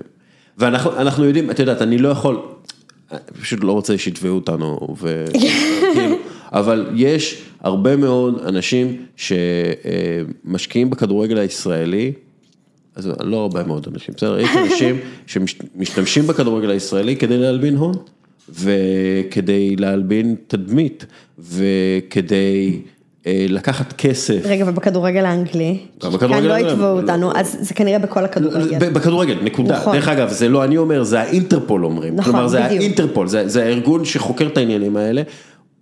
אז אנחנו יודעים שיש הרבה הלבנת הון בכדורגל. אמ, מן הסתם זה משהו ש, ששקיפות אמורה אה, די לחסל. נכון, אצלנו זה המזל, שבמודל הזה של בעלות אוהדים, השקיפות של התקציב ומאיפה הגורמים שמביאים את הכסף, זה מאוד חשוף, ושיש לך אלף פלוס בעלים בקבוצה, גם אז אתה חשוף שזה, לביקורת. יודעים שהמשקיע מחו"ל זה לארי טננבאום, שלארי טננבאום יש לו את האימפריה העסקית הזאת בקנדה, והיא נסחרת בבורסה חלקה, ואפשר כאילו לראות כמה כסף יש לו, כאילו, אז זה, זה, אלו דברים חשובים, גם כדי לגייס אנשים נוספים, לגייס ספונסרים נוספים. אין ספק, השותפים שלנו מאוד עוזרים לנו בעוצמה ובכוח שלנו להביא שותפים אחרים, הרי מי כמוך יודע, 12 שנה שאלטשולר שחם תומכים בנו עוד לפני שזה היה פופולרי או מגניב, אי שם בליגה ג', אה, זה, זה גם היכולת ללמוד שהשותפים, שזה לא ספונסרים, זה שותפים, וזה גם ההבנה כן. של האנשים האלה, אתה יכול לראות את זה עם, השנה עם הספונסר החדש הראשי שלנו בקבוצה, הוא- שאותו אתה מכיר. מה זה, הוא אה, הספונסר, הוא ספונסר של, לא סתם, הוא לא ספונסר, אנחנו, אה, אנחנו, אני מדבר איתו כל שבוע, בוא נגיד את זה. אבל. זה גם זה, זה גם הקטע הזה של להבין שהבאנו אותם, כלומר, הבאנו, הם חלק מ- מה- מהתמונה הזאת של מהי הפועל ירושלים, אבל הם גם בהחלט תואמים את מי שאנחנו ומה כן. שאנחנו. וזה אתה את פשוט, את- זה קשה אחרי אלטשולר שחם פתאום להגיע ולמלא פשוט את זה. ג'ינג'ים, זה הקטע. כנראה, כן. גם. אה, טוב, גם אה, ג'ינג'יות. אנחנו, אנחנו בעד. מורשת אישית, וזה הסוף כאילו של החלק הזה. כמה היא חשובה לך? כלומר, כמה חשוב לך מה שיגידו עלייך בעתיד? כי, כי, כי הרבה אנשים, בוא נגיד, המוטיבציה הפנימית ש, שלך מאוד מאוד קשורה לאהבה להפועל ולאהבה למשחק, ו, ו, ואפשר להרגיש את זה ואפשר לראות את זה, ואת יודעת, בגלל זה אנחנו אה, חברים אה, קרוב לשני עשורים, אבל אה, כמה, כמה חשובה לך המורשת, שמה שאת משאירה אחרייך, חשוב מאוד. וכמה חשובה לך המורשת ש... מה אומרים עלייך? אני חושבת שמה אומרים עליי זה פחות, כנראה לומדים אחרי כל כך הרבה שנים במקומות שמקבלים את ההחלטות שלא תמיד יאהבו אותי. אני חושבת שזה משהו שלמדתי, אוקיי. זה משהו נורא נורא חשוב שלמדתי. אני לא רגילה לא להיות אהובה. נורא קשה לי להיות במקום הזה, או חשופה כזה לביקורת אישית כלפיי, לקבלת החלטות ש, שלי. שדרך אגב, יש את זה תמיד, לא משנה איפה. אבל זה- כשזה נוגע למשהו שכל כן. כך אישי לך, זה, זה, זה, כן. זה מאוד מאוד מאוד אה, קשה, אבל זה, זה הופך לרעשי רקע. זה, המטרה היא מעל הכל. זה, יש קדושה כמעט לא נתפסת ב, במטרה הזאת לעשות ולהשאיר טוב אחריי. אה, אבל גם, שוב, המורשת היא לא שלי, היא של אנשים רבים וטובים שעשו את זה איתי. כלומר, שום דבר ממה שהצלחתי, לא הצלחתי כי הייתי לבד. ולהפך, אם הייתי לבד, לא הייתי מצליחה. כלומר, אה, הלכתי ונהייתי יושבת ראש בזכות אנשים טובים שמאוד רצו שגם אני אהיה שם, אבל גם ההצלחה שלי היא שזורה בתוך האנשים שהיו סביבי, שההצלחה שלי היא ההצלחה של הפועל, זה לא איזה משהו אינדיבידואלי שאני לוקחת לעצמי וכאילו עכשיו אנחנו מדברים הרבה מאוד עליי בפוד היום, אבל, אבל זה, לא, זה לא אני, זה, זה חבורה של אנשים. אני, היה לי את גדעון ברעם, שליווה אותי כל השנים שלי בוועד המנהל, ולמעשה היה יד ימיני, אבל אורי ואשר ויותם שהיה איתי בוועד, בן זוגי ועוד רבים אנשים טובים אה, שהם גם לא רק מתוך הפועל, למדתי לקבל את הביקורת, למדתי לקבל את הביקורת בין אה, מה אנשים אומרים עליי כביקורת בונה ומה אנשים אומרים עליי כי הם פשוט לא רוצים בטובתי. אה, אבל המורשת, אני לא רוצה שהיא תהיה שלי, אני רוצה שהיא תהיה של המועדון ושל הדרך ושהיא תישאר שם. כלומר, זה, זה מה שחשוב לי, כאילו בלגסי הזה שאתה... כי אני לא הולכת לשום מקום, אני עדיין בהפועל, כן? כן. את- סך הכל עברתי ליציע, אני מאמינה שאני ממשיכה לתרום ולסייע, להפך. יש משהו נורא כיף בזה שהייתי בוועד ויושבת ראש ואני יכולה לחזור ליציאה, להיות בלי האחריות של לקבל את ההחלטות ועדיין להועיל, לסייע ולקדם את המועדון. כן. זה, לא הייתי, לא חשבתי על זה לפני שהייתי בוועד, אבל בואנה, איזה כיף. כן. אמ, משהו שגם כן כתבתי ב-2010, ואני חושב שאפשר כאילו, יהיה, אמ, לדבר על זה. האוהדים שעזבו כמחאה והקימו את קטמון, כמהים לאיחוד עם הבית. אבל סביר להניח שזה לא יקרה. אה, חובות, תסבוכות ועוד ימנעו את זה, כפי שמנעו זאת בשנה שעברה. ובכל זאת, הם רוצים לחזור ולהיות הפועל ירושלים. אה, ואז דאפס אומרת, אה, להפועל ירושלים יש המון היסטוריה, היסטוריה שלנו, היסטוריה שאנחנו רוצים. קטמון זה הבית הזמני, אבל לצערי ההום בייס עדיין שם. ושוב, אנחנו מדברים על רעיון יצירת משהו מכלום, אבל המשהו מכלום הזה רצה להשתלט, או לחזור למשהו שהיה קיים, והמשהו שהיה קיים זה הפועל ירושלים. לא להשתלט. לא להשתלט. לחזור להיות נכון. שלמים, כלומר לא להיות עם כוכבית, לא להיות עם ספק, אבל, אבל הבית, קונפליקט, ככל שיהיה בו, תסתכל על הקונפליקט של הפועל אז, בתור הקונפליקט של ירושלים. אז חזרת. זה אותו דבר. אז חזרת. אז הצלחנו, ואתה היית סקפטי ואני צדקתי. כן. אז... ו- ומה כתוב לך על הוואטסאפ, או בוואטסאפ ובכל מיני מקומות אחרים? מה? על... טובת הפועל מעל לא, הפועל? לא, לא. תמיד אופטימית. נכון, עדיין אופטימית. תיקנתי, דודו גבע, האיש והאגדה, הקמע שלנו השנה זה הברווז של דודו גבע. אה, זה באמת, זה היכולת להמשיך להאמין, גם כשכולם סקפטיים, כי זה הדבר שהכי עוצר אנשים מלהפוך חלום למציאות, זה הסקפטיות של אנשים בדרך, לזה שלא תצליח, זה, אין משהו שמוריד יותר ומרסק יותר מהיכולת של אנשים לא להאמין ברעיון או בדרך שלך. זה היכולת להיות סבלניים, להבין שזה לא תמיד תלוי בנו, ולפעמים you just need to hang out ולחכות. כמו שאמרתי בהתחלה, כשהקמנו את קטמון, זה לא רק היה הצורך ההישרדותי הזה שלא היה לנו מה להפסיד. זה גם היה האנשים הנכונים, במקום הנכון, בזמן הנכון. זה, זה כל כך הרבה דברים שצריכים להגיע ביחד. כוח האנרציה הזה, הוא לא מספיק שיש לך את הכלים להפוך את החלום למציאות. אתה גם צריך עוד דברים.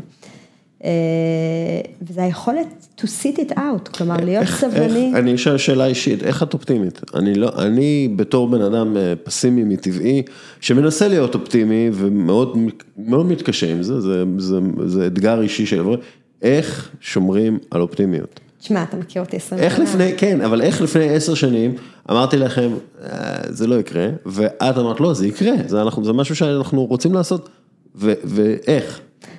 לא, לא גדלת בירושלים. ותודה על כך, כן? לא, אבל זה, it's making the impossible possible, זה לא לקבל לא כתשובה, כלומר, אם אתה מאמין במשהו מספיק, אז שזה יהיה המצפן שלך, כלומר, יכול להיות שלא כל דבר שאני רוצה בחיים שלי יקרה, יכול להיות, אבל אם הפסקתי לנסות, אז למה אני כאן?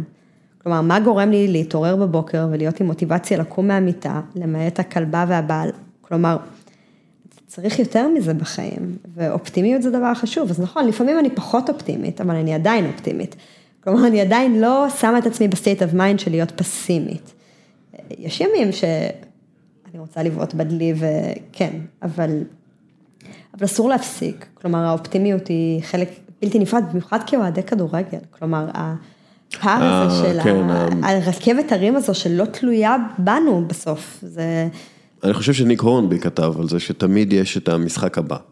נכון. כאילו תמיד, זה לא משנה מה קורה. אמיר גולה תמיד אמר לי, דפנה, המשחק הכי חשוב הוא המשחק הבא. כן. תמיד, תמיד, תמיד, זה המשחק הכי חשוב. שזה ההבדל, דרך אגב, מאמנים, אולי שבאופיין... זיו אריה תמיד מדבר על המשחק הבא, גם, אפרופו... כן, אבל, לא, אבל המאמנים, המאמנים כאילו הכי בכירים, הם תמיד אומרים, יש את המשחק מולנו, המשחק הבא זה המשחק הבא, כלומר, אנחנו רוצים מאוד להתרכז, ואני חושב שמאמן טוב צריך להיות פסימי, כאילו, פסימי וקטנוני באיזשהו מקום, הוא צריך לדעת מאיפה יגיעו הבעיות, והוא, אבל כאילו האסטרטג, אולי זה חלק, מהאימון, אולי פחות תלוי במבנה של הקבוצה, אבל האסטרטג צריך להיות אופטימי, האסטרטג צריך לראות, אוקיי, אנחנו נעשה ככה ונעשה ככה ונעשה ככה, ואם זה לא עובד, אז זה יעבוד, והמאמן, הוא איש בשטח, הוא צריך להיות כאילו ה...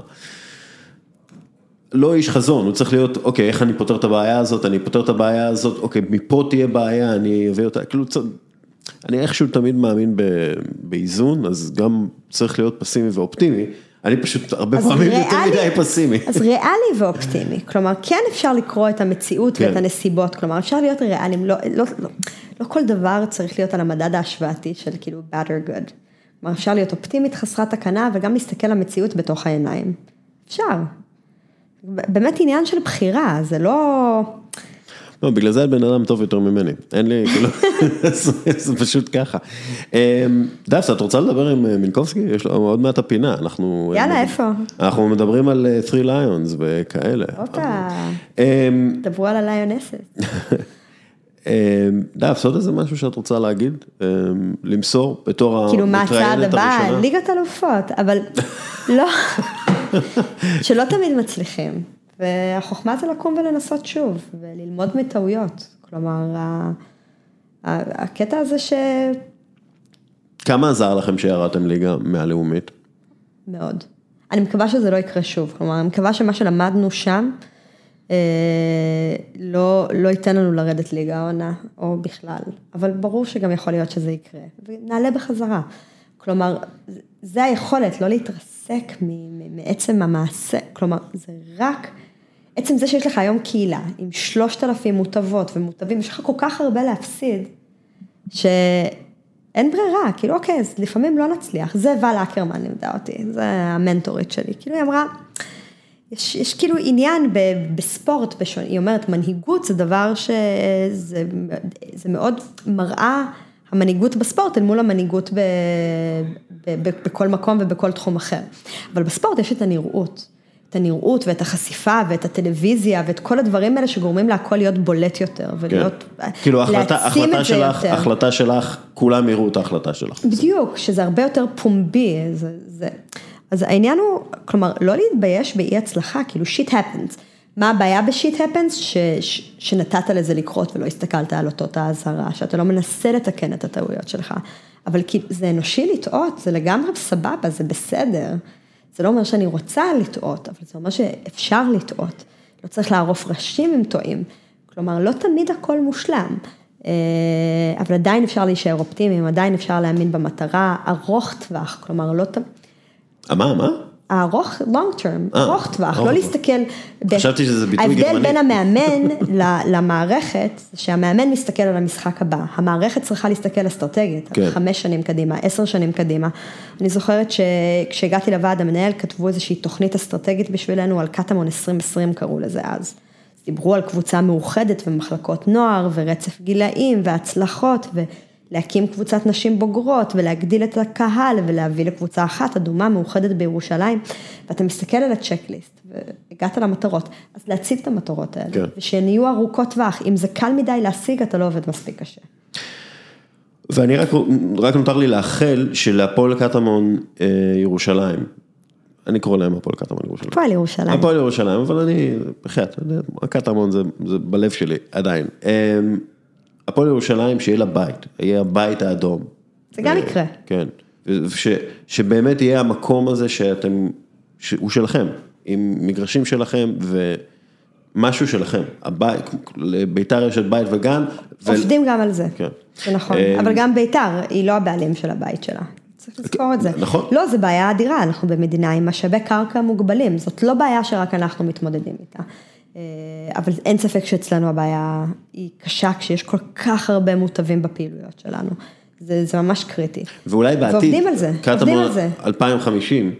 אמ, לא, ב-2030 כבר יהיה לנו בית. לא, אבל אני אומר, 2050, יהיה לכם איצטדיון, 5,000, 6,000, 8,000 איש, קטן, סגור. 15,000, אבל כן. 15,000, סבבה, 15,000, טוב, והוא כנראה יצטרכו לבנות אותו על כן. איפשהו במקום חדש בירושלים, כן. כי זה לא שיש קרקע, אבל... אה, איפשהו, שגם כן, יהיה אצטדיון אדום עם הברווז עליו, פסל ענק כזה. חלום. אה, דפס, תודה לך.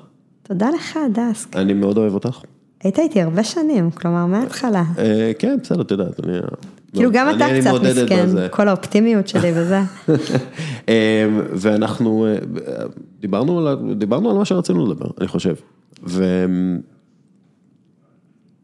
וחברים, תספרו איך אה, היה מבחינתכם, כי זה הולך להיות הפורמט. הגיעו אה, מנהלים אה, נוספים, מנהלים ומנהלות נו- נוספים לפרקים הבאים. אז תודה רבה לכם, ואנחנו עוברים לחלק הבא. את, אוקיי, שומעים? שומעים? עכשיו דיברנו עם, פה איתי באולפן, דפני גולדשמיט מהפועל ירושלים, ו... ואנחנו מדברים עם הספונסר? וואו, איזה... השותף, השותף, סליחה. הון שלטון עיתון. הון. שלטון עיתון, אבל לפני הכל, אה, אני יודע שאתם אנגלופילים, יש לכם בעיה עם אה, שירים, אבל הנה, אה, נשים את זה. אתה בטוח תזהה.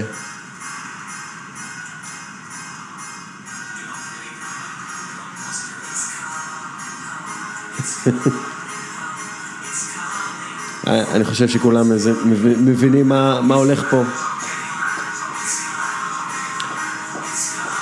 אתה שר? אתה לא שומע אותך. אה, אני רוצה לדבר איתך על השיר הזה.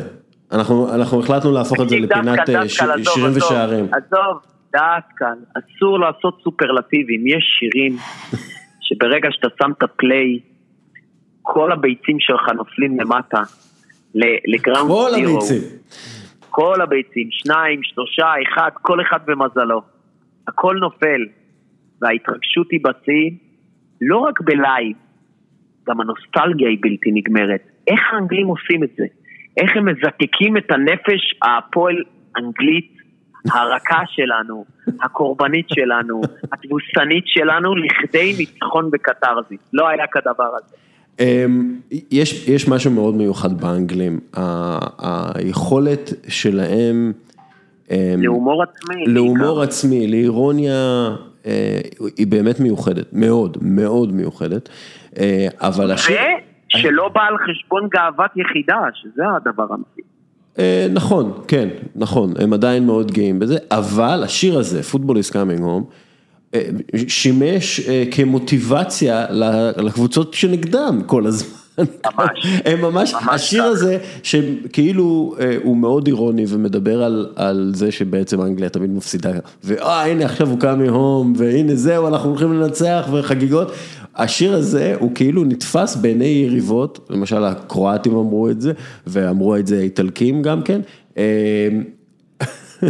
שהוא נתפס כמעין אה, אה, מטריד. יהירות, כן, התרסה אנגלית כנגד כל השאר. אה, בכלל הביטוי הזה, football is coming home, כאילו הבית הוא- של הכדורגל הוא אנגלי, מי אתם אנגלים בכלל חושבים? אי אפשר להתווכח. אבל- אבל. הם- זה מרגיזים אותם. המציאו את המולדת. מספיק. לא ברזיל ולא בטיח, זה המולדת. עכשיו, אתה יודע, זה לא אומר גם המכונית נוצרה בארצות הברית, זה לא אומר שאנחנו לא אוהבים פרארי. אחלה פרארי שבעולם, יש מכוניות יותר טובות מפורט ושברולה. אבל בסוף, המקור שם. עכשיו, אני רוצה להגיד לך משהו. השיר הזה, איך יודעים שהוא אלמותי? איך יודעים שהתוכן שלו הוא ממש דתי, הייתי אומר. הלוא הוא נולד, אם זיכרוני לא מטעה, לפני יורו 96, במופע הספקטקולרי של אה, גאזה, שנתן בראש לסקוטלנד בחצי גמר, ואז הלייטנינג סידס הוציאו עם פרנק סקינר ודייוויד, משהו, שכחתי את השם שלו, שהם קומיקאים בכלל בריטים. כן. וה Lightning Seeds כמובן להקה אלמותית, ניו וייבית מליברפול למין- ל- לדעתי, הוציאו שיר מופת, גם מלודית וגם מילולית, שבעצם אומר שה football coming home למרות כל האכזבות מאז 66. הדבר המדהים, שאחרי שגארת' סאוטגייט כמובן החטיא את הפנדל, ועל כך נוצרה הגרסה השנייה של השיר, שהוא הרבה יותר מדהים, על France 98, ש football is coming home למרות סאוטגייט, והשיר מתחיל במפח הנפש התורן של גארת' סאוטגייט ב-96, הוא החטיא את הפנדל מול גרמניה. ועל כך השיר הזה הוא אלמותי, בעיקר לאוהדי קבוצות תבוסתניות, זו האמת. זאת אומרת, אני בטוח שמכבי תל אביב לא תתלהב מ football's coming home, we can dance it in France, אה, אה, וב cup final, nothing to do. אה, just stay in bed, drift away. כן. ועל כך אני באמת, את כל אקו"ם אני רוצה לתרום ל Lightning Seeds, באמת הם הביאו לי הרבה השראה ברגעי שפל, שברוך השם עדיין קורים עד היום. היי. למרות שהפועל... אני הייתי בגמר היורו אגב, באנגליה, איטליה. כמובן שאטומי קיטן עשו חידוש ללהקת הבנות השנייה בחשיבותה דאז אחרי הספייס גרס. כן? וגם סיימו במשפט האלמותי, כן, looking back on where we first met, I cannot escape and I cannot forget. Southgate, you're the one, you still turn me on, football's coming home again. אגב, אני מאוד תופס. מסאוטגייט, אני חושב שהוא, אה, אני חושב שהוא המנהיג הנכון לאנגליה, כי הוא באמת שקול, ואפילו אם הוא מקבל החלטות אה, טקטיות אה, לא כמו נכונות. בגמר. כן, הוא לא יתעקש על הטעויות האלה והוא ילמד מהטעויות האלה והנה אנחנו רואים אה, טורניר ראשון, חצי מקבל גמר. גם כבוד אה, בריטי כי- אמיתי, כי הוא כן. כן, הוא בדיוק. לא, הוא כנה. כן, הוא אותנטי, אה, הוא לא מנסה להיות משהו שהוא לא, אני חושב שהוא המנהיג הנכון לאנגליה, והקבוצה האחרונה שהפסידה בבית שלה את גמר היורו, זכתה בש, בשנים, בשנתיים אחרי, במונדיאל, זה צרפת, אני שם את אנגליה, למרות שהיא אנגליה, כפיבוריטית לזכייה במונדיאל אה, 2022, המשוקץ יש לומר. אה, דיבר... המשוקץ הקטרי הדוחה.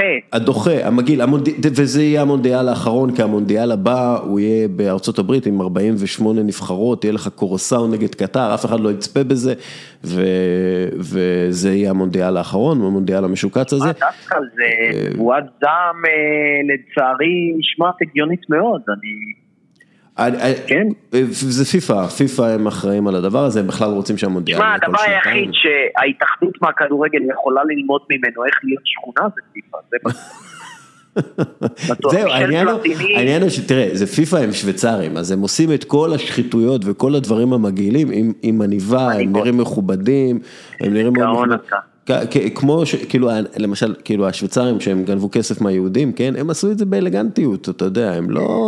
וכמו שאמרתי לא נכנסו תמיד, לבאבי יאר, אה, אבל... כששואלים אותי, דסקל, למה אני נראה כמו שאני נראה ומדבר כמו שאני נראה, אה, שאני מדבר, אה, למרות שאני אמור לשחות כאילו עם ה big boys, בשוק ההון, בהייטק, אני תמיד אומר משפט אחד שמתכתב עם מה שאתה אומר. לנו יש גינונים מלוכלכים ומעשים נקיים, כי רוב האנשים זה ההפך, אמ, נכון. בעיקר אה, פלטיני. אני רוצה לדבר איתך על עוד משהו אחד, אני רק רוצה לדבר איתך על משהו אחד, התחלת עם ביצים ואני רוצה להמשיך עם ביצים, מה אתה אומר כן. על הפרסומת עם פיני בלילי? שמע, אני חייב להגיד לך משהו שאתה לא תאמין למה שאני אומר. נו, אני לא מכיר את הפרסומת. די, אל נו, תשגע אותי עכשיו. זה לא, אני שומע גם קולות רקע נדהמים. בבקשה לא לגמור לי את הקריירה על זה. המוח שלי, אני כמו קלי בנדי, כל מה שנכנס, פרט יוצא, אז אני שומר ב- ב- ב- בחרדת קודש על כמות המידע שיש לי בראש. אוקיי, קודם כל היא שמורה אצלי תתאר על לי את המחשב, אה. זה- אני לא יודע אם אני יכול לתאר על זה, אבל רואים את פיני בלילי במקלחת. רואים את פיני בלילי במקלחת, והוא מתחיל לגלח את הגבות שלו, ואז השדר אומר, פיני, זה לא לגבה, זה לפיני. ואז הוא מוריד את שמע, יש לי המכונת גילוח. הרגשה שאני יודע, שאני לא יודע, אני לא מכיר את הפרסומת, אבל יש לי הרגשה מאוד מאוד טובה שאני יודע איזה מכונה מדובר. זה יכול להיות שזו מכונה שקוראים לה מרידיאן? כן, כן, כן. ידעתי, יש לי אותה. ואז הוא מתחיל אה, לגלח ורוקד, עכשיו הוא בחצי עירום, אנשים, אני שלחתי לך לינק לזה, כן, אבל אנשים בטוויטר, הם, אה, זה נע בין הכאה לבחילה קשה, אה, דרך אגב, אני מפרגן מאוד לפיני, אני חושב שיש לו את הקטע שלו, אה, הוא לבוש בצורה מסוימת, אחלה הוא חי... פיני שבעולם, אחלה אחלה פיני. פיני שבעולם, עכשיו תקשיב לי, תקשיב לי ותקשיב לי טוב דסקל, בפרסומת אני לא מכיר, אבל במרידיאן אני ספט. תקשיבו ותקשיבו לי טוב, מהחברה שהביאה את KS, קובי סוויסה כפרזנטור, אם הם הביאו את פיני בלילי זה כמו שעכשיו ברונו מרס מצטרף לדירקטוריון של מינקובסקי תקשורת. אני קונה עוד מכונה שתשב בצד, רק על המהלך הזה. אה, דרך אגב, הפודקאסטים בחו"ל, אה, כל מיני חבר'ה מכובדים אה, עושים פרסומות על ה... לגלח את הביצים. אז כאילו, אתה שומע את כאילו, את דיוויד אורנסטיין מדבר על הפמילי ג'ול. חבר'ה, אנחנו בעולם שוויוני, אני רענן וקרפרי, עידו וכיף לי. לא, הכל טוב. הוא מדברים, אתה יודע, עם כל מיני מכבסת מילים על איך לדבר על זין וביצים. כיף שבפודקאסט אפשר לדבר אה, גסויות, וואו, אני יכול לעשות, הרגולטור על הזין שלנו. אין רגולטור, אין רגולטור. אין, שהאינטרנט, אנחנו, איפה המנהל של האינטרנט? והוא אה, מדבר כאילו על ביצים, כאילו במכבסת מילים, אתה יודע, בהלבנת... אה, הלבנת המילים, KP מגיע, אני מגלח את הביצים, זה טוב גם למנוש. את הביצים, בטח, השקר הכי טוב הוא האמת, השקר הכי טוב הוא האמת. ביצים במלעיל ובלי יוד. זהו, זה השיטה. אה, בסדר, אני חושב שהתחלנו אה, יפה עם אה, שירה יפה על כדורגל. חבר'ה, אם החבר'ה ממרידיאן שומעים אותנו ורוצים להודות על החשיפה חינם, אני אשמח להיות משפיען רשת. תודה, אני מודה לספונסרים שלי. אני אהיה כמו פיטר פלצ'יק רק עם גילוח ביצים. בנק והפועלים מאחוריי, as we speak. טוב חבר'ה, עכשיו אני אוריד את עצמי מהשידור. כן, יאללה, עידו, נדבר שבוע הבא, תחשוב על שיר. היה לי זה תענוג, תמיד תזכרו, תשקיעו בפודקאסטים, ייתנו לכם לדבר על קובי סוויסה, על ביצים, פיני בלילי, ופוטבול is coming home באותו שיחה. זה המסר. תודה רבה. יאללה, ביי. ביי. ועכשיו איתנו האנליסט, אה, אורח קבוע בפודקאסט הזווית, אדם רוזנטל, שהוא במקרה גם אוהד אתלטיקו מדריד, ואיתו נעשה את העניין האופטימי פסימי לאלופת ספרד המכהנת, אתלטיקו מדריד. מה המצב? הכל טוב, מה איתך אורן? אני אחלה וסבבה והכל טוב, בוא נתחיל עם האופטימי, ואני מתחיל את זה עם ראייה טיפה כללית. בליגה, בליגה הספרדית הוציאו את, אתמול את תקציבי השכר המקסימליים של הקבוצות העונה. אתה יכול לנחש שריאל מדריד ראשונה עם יכולת להוציא 739 מיליון יורו על שכר, הם לא יוציאו את הסכום הזה, אבל זה מה שהם יכולים להגיע לזה. שנייה, אתה רוצה לנחש? סביליה. סביליה עם 200 מיליון, אתלטיקו מדריד שלישית עם 171, וברצלונה 98 מיליון יורו, שזה קצת כמו ווטפורד, אה, ויותר מזה, רונלד קומן, לא נראה לי שהוא כבר אה, שם בראש שלו, ועוד מעט לא יהיה שם בכלל, והמועמד המוביל להחליף אותו הוא אנדריאה פירלו. מה אני אומר כאן בעצם? התחרות היא בעיקר ריאל מדריד, וזה צריך אה, להסב לך הרבה נחת ואופטימיות, לא?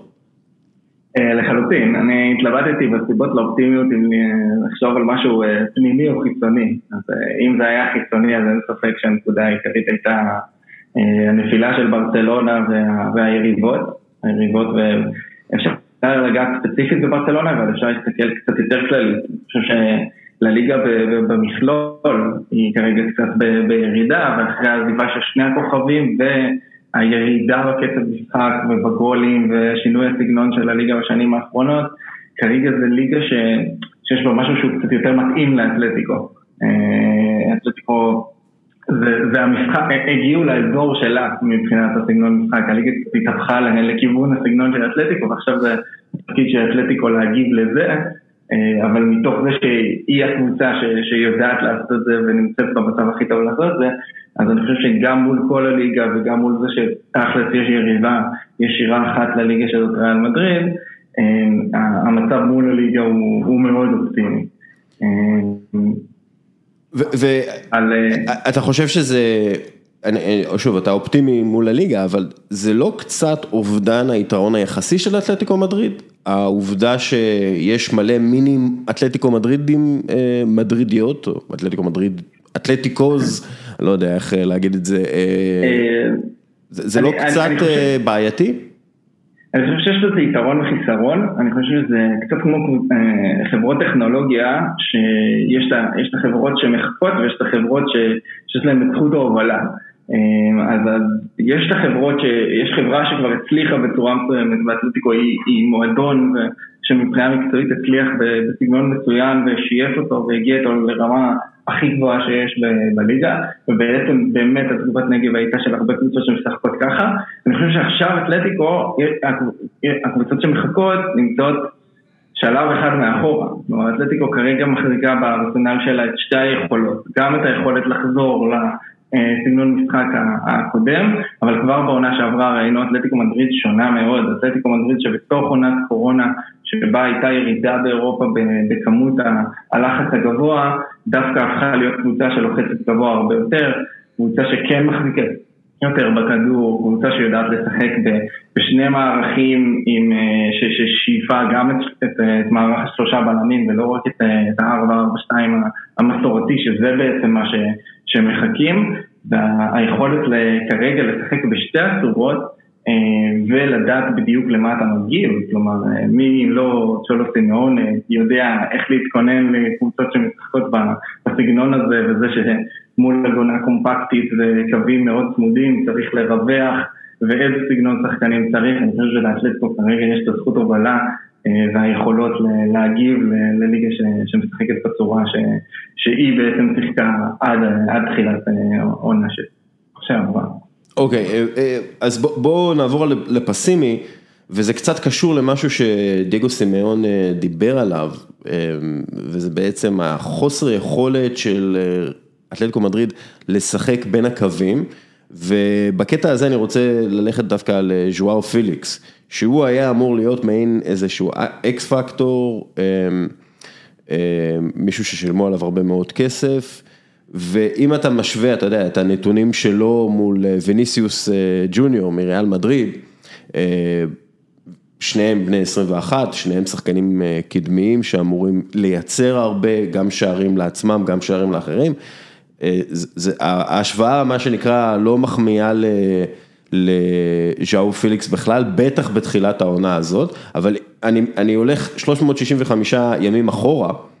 ומסתכל על הנתונים, פליקס לא בדיוק הרשים מבין כל הנתונים המתקדמים שיש לנו מסטאצבום, הוא ב-20% הכי טובים באירופה, רק במסירות קדימה והשלמת מסירות, הוא מנפק הופעות ברמה סטטיסטית של לוקאס פרז מאלצ'ה, מקס קרוזה מאוניון ברלין ואלכסנדר לקזט מארסנל. ככה שזה לא משהו, אם אנחנו עושים את ההשוואה של הנתונים בלבד, אתה חושב שהוא אי פעם יצדיק את המחיר שלו והפסימיות הזאת סביבו תהפוך לאופטימיות? אני חושב, אני מצטרף מאוד לאכזבה ממנה, כלומר אין ספק שאם אנחנו חוזרים שנתיים אחורה, אתלטיקו לקחה את הכסף מגריזמן והשקיעה אותו בילד שחשבו שהוא עם פוטנציאל לכוכב עולמי די מיידי. אין ספק ששנתיים קדימה, כלומר היום אנחנו מסתכלים על זה וזה פשוט לא קרה. היה שם באמצע הרבה פציעות וכמו שאתה אומר, היכולת והנתונים לא, לא קרובים להצדיק את הדבר הזה. מצד שני, ואין ספק שיש לו עדיין הרבה חסרונות, גם בהיבט הפיזי, גם בהיבט הטקטי. עצם, עצם השאלה של מה התפקיד האידיאלי של השחקן הזה ובכמה קבוצות הוא יכול לפתוח בתור חלוץ מרכזי, התשובה היא כנראה שלא, בתור שחקן אגף כנראה התשובה היא לא, כלומר הוא שחקן שכרגע יכול לשחק בערך רק את תפקיד ה second striker, שזה לא תפקיד שיש בכל קבוצה, אבל דווקא אתלטיקו היא קבוצה שכן יש בה את התפקיד הזה. אני חושב שיש פה איזשהו תהליך של צ'ולו מולו מאוד חזק, היה כמה ענייני משמעת שנה שעברה והרבה ענייני כשירות ופציעות בדרך שעיכבו את ההתפתחות שלו מאוד.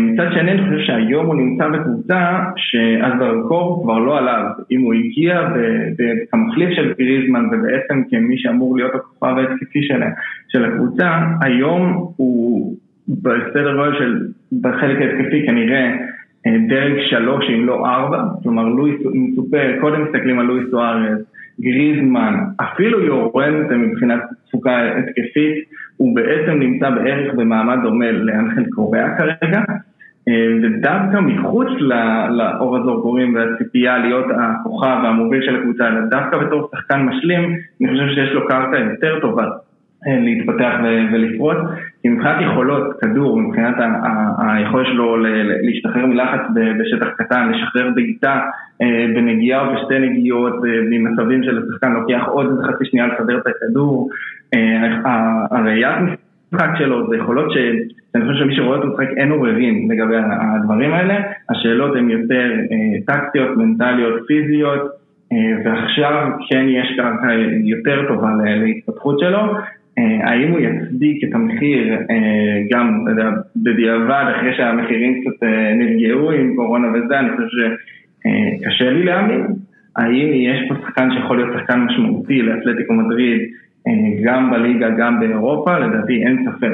כלומר, הגולים מז'ואר פליקס והיכולת שלו לשחק נגד הגנות צפופות על שטח קטן, משחק טירופים, שחקן שמאוד אוהב דאבל פאסים, מאוד אוהב משחק בנגיעה קרוב לשער, לשחרר בעיטה מהר, זה דברים שהפלטקו תצטרך במעמד הנוכחי שלה, ואני כן צופה שיהיה לו את המשחקי התעלות, אני לא חושב שהוא אפילו יהיה שחקן הרכב לאורך זמן העונה, בגלל העומס, ספציפית בתפקיד הזה.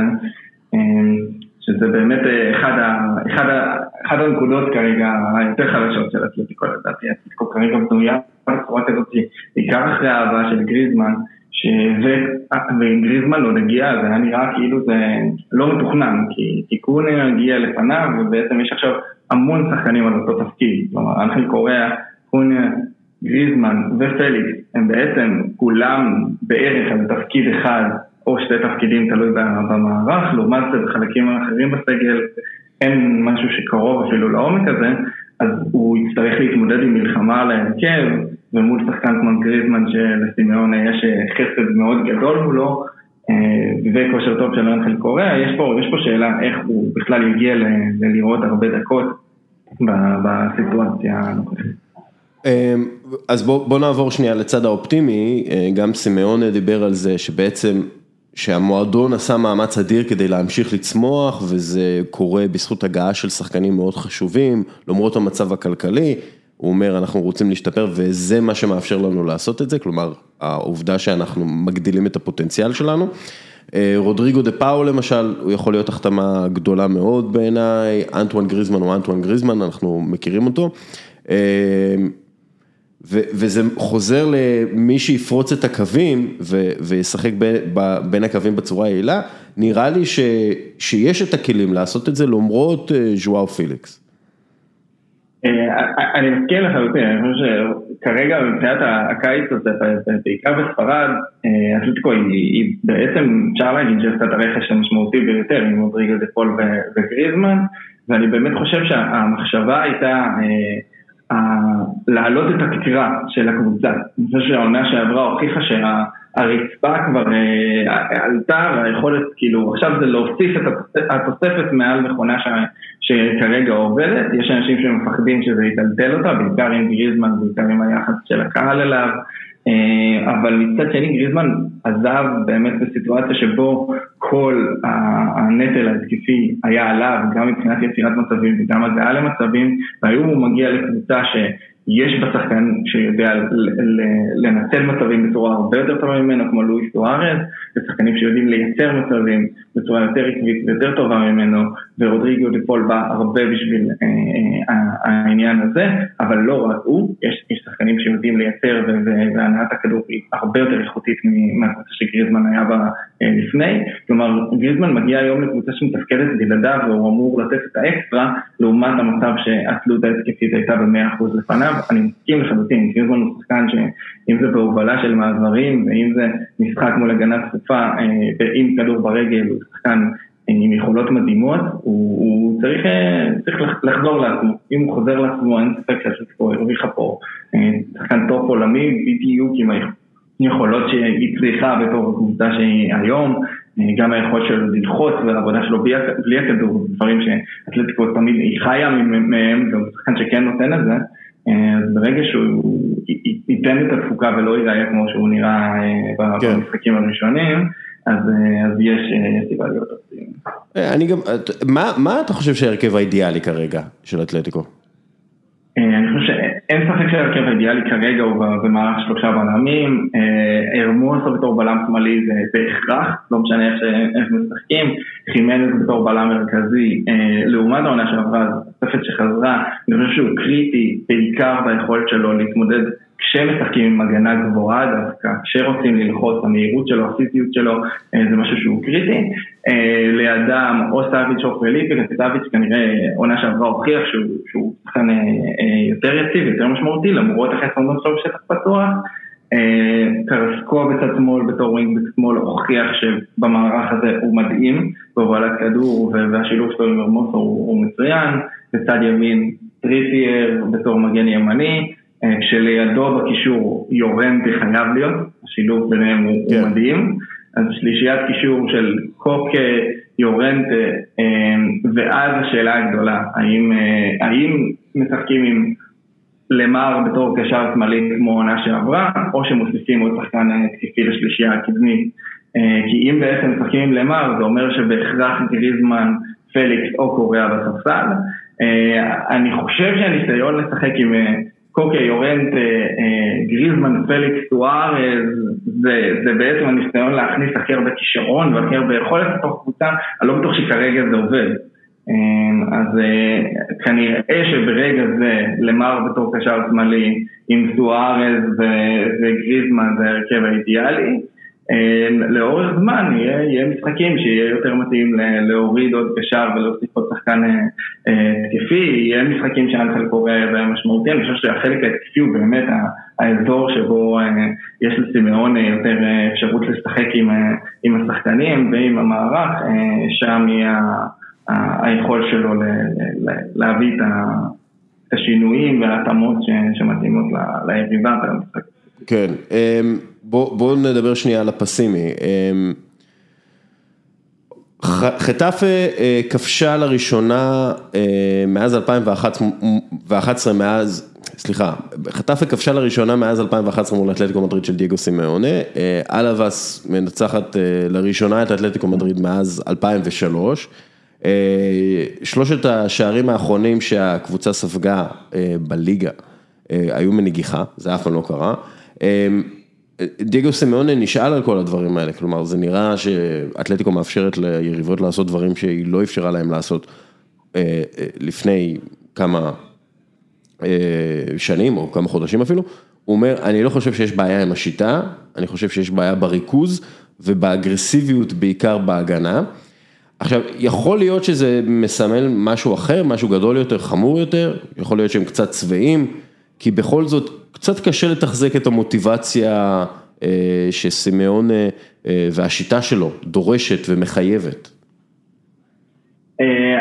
אני לא חושב שיש צבעות, אני חושב שיש פה, הכניסו לעניין שני דברים שמאוד משפיעים. א', ברגע שקבוצה משחקת, מחזיקה יותר בכדור ומשחקת יותר גבוה ומנסה גם ללחוץ אחרי שהיא מאבדת כדור, אז אין, אין, אין ספק שיהיו שטחים מאחורי ההגנה ברגע שהקבוצה השנייה חוטפת כדור.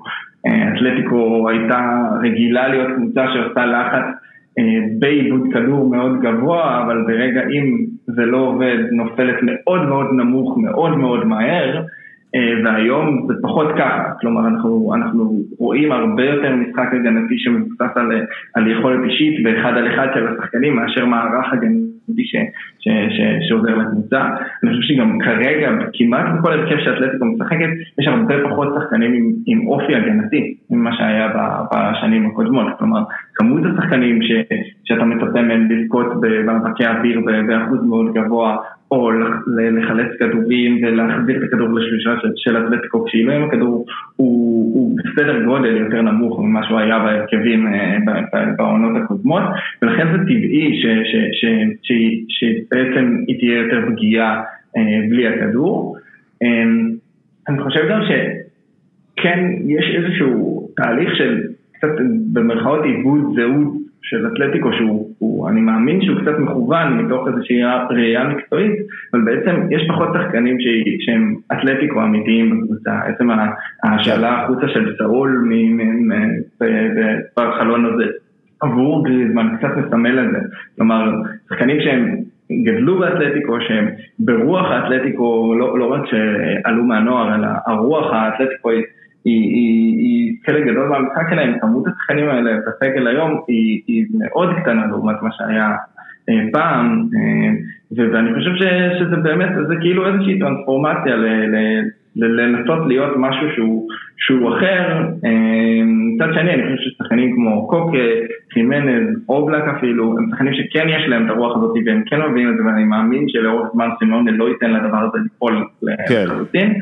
אני יכול לצרף גם למה שאמרת, את כמות כרטיסים האדומים. כלומר, אתלטיקו מדריד עונה שעברה לא ספגה כרטיס אדום אחד כל העונה, והעונה כבר יש אדומים אה, בליגה שהם גם, הם כאילו מהסיטואציות האלה. אני, אגב, אני, לא חושב, אני חושב שאדומים לא, לא מראים על over מוטיבציה, אני חושב שהרבה פעמים אדומים, ההפך, הם מראים על אה, שחקנים שהם מנסים להיראות אה, קשוח יותר ממה שהם משחקים.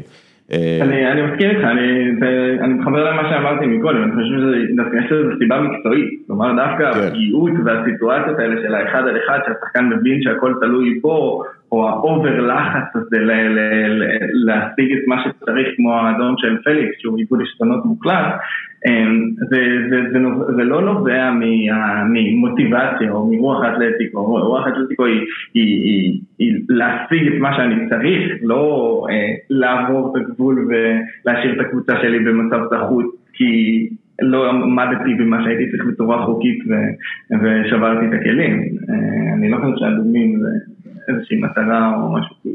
כן, לא, אני פשוט, אתה יודע, הרבה פעמים... אה, מתבלבלים בין אה, אגרסיביות אה, נכונה לבין אגרסיביות, מה שנקרא חיצונית. בואו תראו כמה אני אגרסיבי וכמה אני נלחם למען הדגל והסמל. אני חושב שזה, אתה יודע, משהו שצריך קצת לשים לב אליו. בכלל, אני מדבר באופן כללי על שיחות כדורגל. אנחנו עכשיו באופטימי, אופטימי, לואיס סוארז כובש במשחק חוץ בליגת האלופות בפעם הראשונה מאז 2015. ותראה מה כתבתי לפני שנה בדיוק. החתמה של לואי סוארז נראית כמו ההחתמה הכי מתאימה מבחינה תרבותית למועדון שסימאונה עזר לבנות. אני הולך להמר על אתלטיקו מדריד העונה, יאללה, הם ייקחו אליפות. יצא לי טוב בסך הכל. כן, בסך הכל. אה. אמ, אבל באמת, אתה יודע, לואי סוארז עדיין, למרות שהוא כבר בן 202, אה, אה, הוא באמת... ואנחנו ראינו את זה, זה הווינר שכל אלופה צריכה. ו, ונראה לי שכל עוד יש להם את לואיס סוארז, הם ינצחו את המשחקים האלה שהם לא היו אמורים לנצח, והם יפעילו, ימשיכו להפעיל את הלחץ הזה על ריאל מדריד, שנראית כרגע אה, כמו הקבוצה הכי טובה בליגה הספרדית. אה, כן, לואיס סוארז הוא נושא מעניין, תשמע, העונה שעברה חצי העונה השנייה, היכולת כיבוש שלו היא משהו נדיר, החדות שלו מול השער זה משהו שאתה רואה, יש שחקנים יותר טובים, יש שחקנים שבכל מאבק נראים יותר טוב, כל פעם שהכדור שלהם ברגל זה נראה הרבה, הרבה יותר מסוכן, לואיס אוהר זה מודל 2021. לעומת זאת, אם אתה צריך שחקן שיהיה בתוך הרחבה וידע מתי לשחרר ולאיפה לשחרר את הבעיטה, אין אף שחקן אה, שאפילו קרוב לאזור הזה באתלטיקו מנרד, זה גם מאוד בולט, עונה לפני זה, אה, החלוץ המוביל היה מורטה. וזה היה כל כך קלאסי, זו קבוצה של שחקנים שנמצאים באזור מסוכן ולא מסוגלים לשחרר כדור, אלא אתה, אתה צופה יותר למצב ששחקן ייפול ויחליט והכדור לא, לא יגיע בכלל לשער מאשר בעיטה חדה לשער, זה המאפיין הכי בולט של הקבוצה ולואיס סוארז הוא היה ההופכי לחלוטין, כל רגע שהכדור נמצא באזור מסוכן אתה, אתה יודע שלואי סוארז יעשה מזה את המקסימום, ו, ובמקרה הכי גרוע זה ישרוק ליד הקורה. זו יכולת ש, שהיא קריטית לקבוצה אה, כמו אתלטיקו, אה, והצמד במשחק האחרון בליגה היה מאוד קלאסי לנושא הזה. אין אף שחקן אחר באתלטיקו שאני חושב שהיה יכול להבקיע את השערים האלה, וזה במשחק שהוא באמת, אתה... כל מי שראה המשחק היה מאוד מתוסכל לנסוע לזה, זאת אומרת, כל פעם שהוא נוגע בכדור במרחק של יותר מ-15 מטר מהשער, אתה מתעצבן ואומר למה השחקן הזה על המגרש.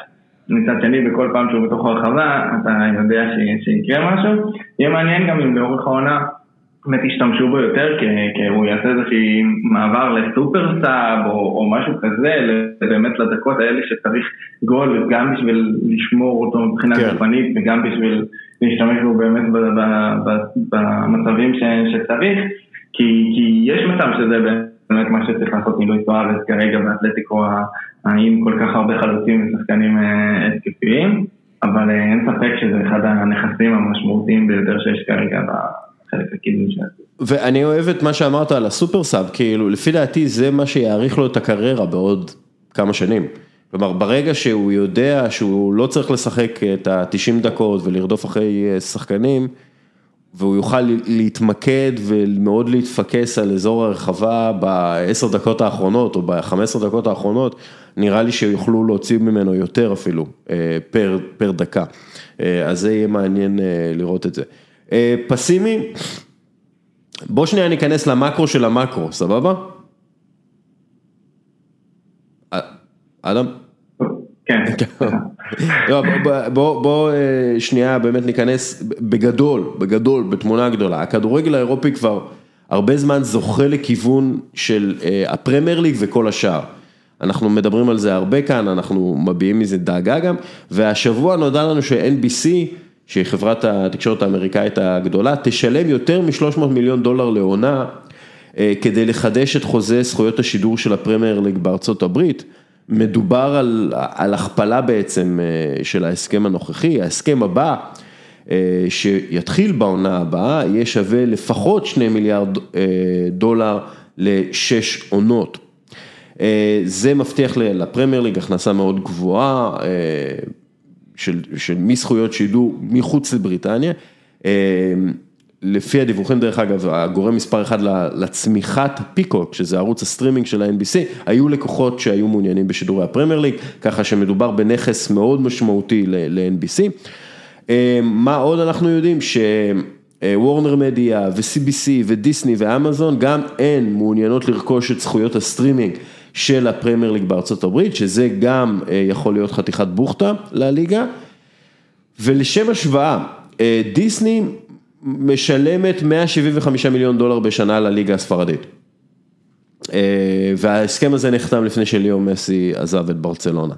בקיצור, אה, וזה נראה ככה, הפרמייר ליג ממשיכה להגדיל את הפערים הפיננסיים משאר הליגות, והפערים הללו בסופו של דבר גם משפיעים מאוד על מה שקורה על המגרש.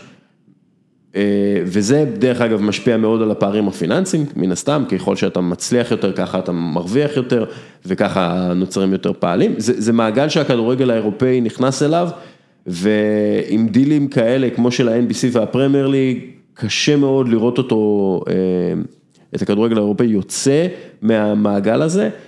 אתלטיקו מדריד היא במקום גרוע במובן הזה, למה?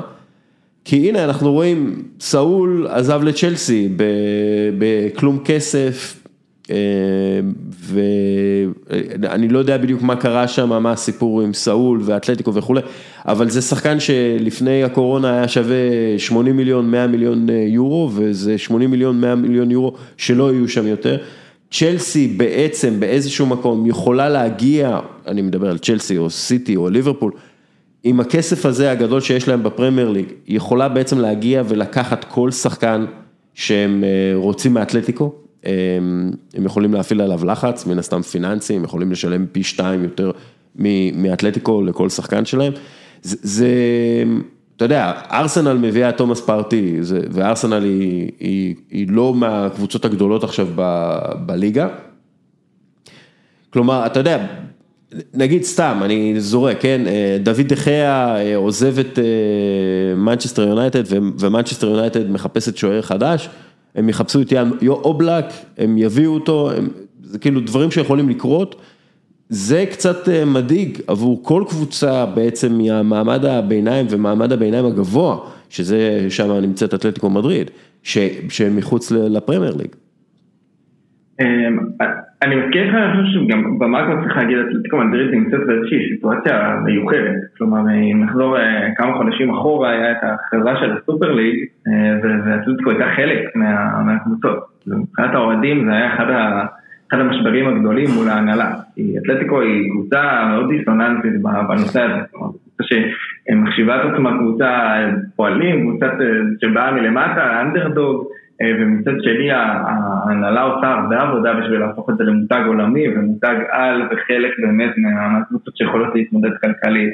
אתלטיקו גם בעשר שנים של צ'ולו, אחת הקבוצות היחידות שגדלה בתור, בצורה אורגנית להיות super club, כלומר אנשים לא זוכרים איזה קבוצה עם ירידות ליגה, עם משברים, קריסות לחלוטין של המועדון הזה, זה שהיום אנחנו מתייחסים למועדון הזה בכלל בתור מישהו שאמור להתחרות מול הטופ של הכדורגל, זה משהו שהוא לא מובן מאליו, יש פה איזשהו דיסוננס בין אם אנחנו ממשיכים להיות מועדון בצמיחה או מועדון שמגיע מלמטה, או האם אנחנו מנסים בכלל למתג את עצמנו כמותג על, זאת שאלה שהיא בכלל לא ברורה מאליה, אבל מצד שני אני חושב שאתלטיקו מדריד, גם תוך כדי הצמיחה וגם תוך כדי זה, היא, היא תמיד איפשהו בשרשרת המזון של, של שוק ההעברות, לא, אף פעם לא הייתה למעלה. כלומר, היא תמיד הייתה דרג ביניים, אתלטיקו מדריד גם בתקופות הכי טובות שלה, גם כלכלית וגם מקצועית, היא מועדון מוכר, כלומר מועדון שבשנים האחרונות מכר גריזמן ורודלי באותה עונה, שני ההרננדזים, כאילו פארטי, באמת הרבה כסף נכנס למועדון ממכירת שחקנים, סימאון הוא השחקן שהכניס למועדון שלו הכי הרבה כסף ממכירת שחקנים, זה מועדון שיודע להתמודד עם הדבר הזה, זה איזשהו חלק מה, מהניהול המקצועי והכלכלי של המועדון, לדעת לפתח ולמכור שחקנים, אז בנושא הזה אני, אני פחות מודאג, אני חושב שדווקא במקרו, כמו שאתה אומר, הנפילה הגדולה של הליגה, עצם התחרות מול ריאל מדריד וברצלונה, שהן כוחות בפני עצמם של האתלטיקו מדריד, מאוד מאוד מאתגר להתמודד איתם מקומית, עצם זה שהמקסימום המקומי הוא כבר מאוד רחוק מהמקסימום הגלובלי, זאת הבעיה של האתלטיקו. כן. כלומר, המלחמה המקומית הזאת היא גם ככה קשה, ורוב ההישגים הם הישגים של התעלות מקצועית למרות מעטפת שהיא הרבה יותר מאתגרת מאשר של ריאל מדריד וברצלונה, אז אם זה לא מספיק, אז אתלטיקו מדריד באמת נמצאת בבעיה בתמונה הגדולה.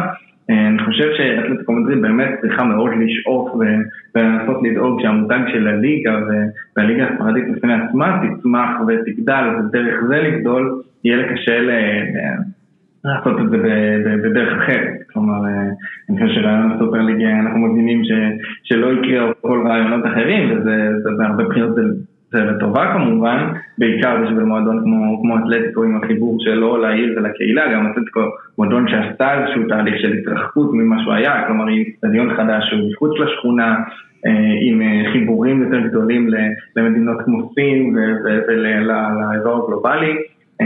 כן הייתה פה איזושהי טרנספורמציה מרכזית והמשחק הזה יהיה מעניין לאיזה כיוון זה ייפול, אתלטיקו כן מועדון שהניהול המקצועי בו הוא מה שמחזיק אותו למעלה, כלומר בשלב שדייגו סימאונו עוזב יש פה סימן שאלה די משמעותי, מה קורה עם אתלטיקו מדריד ואם זה בתוך עולם כלכלי מאתגר אז השאלה הזאת הופכת לסימן שאלה עוד יותר משמעותי, בוא נגיד את זה ככה, אנחנו ראינו כבר מועדונים ש...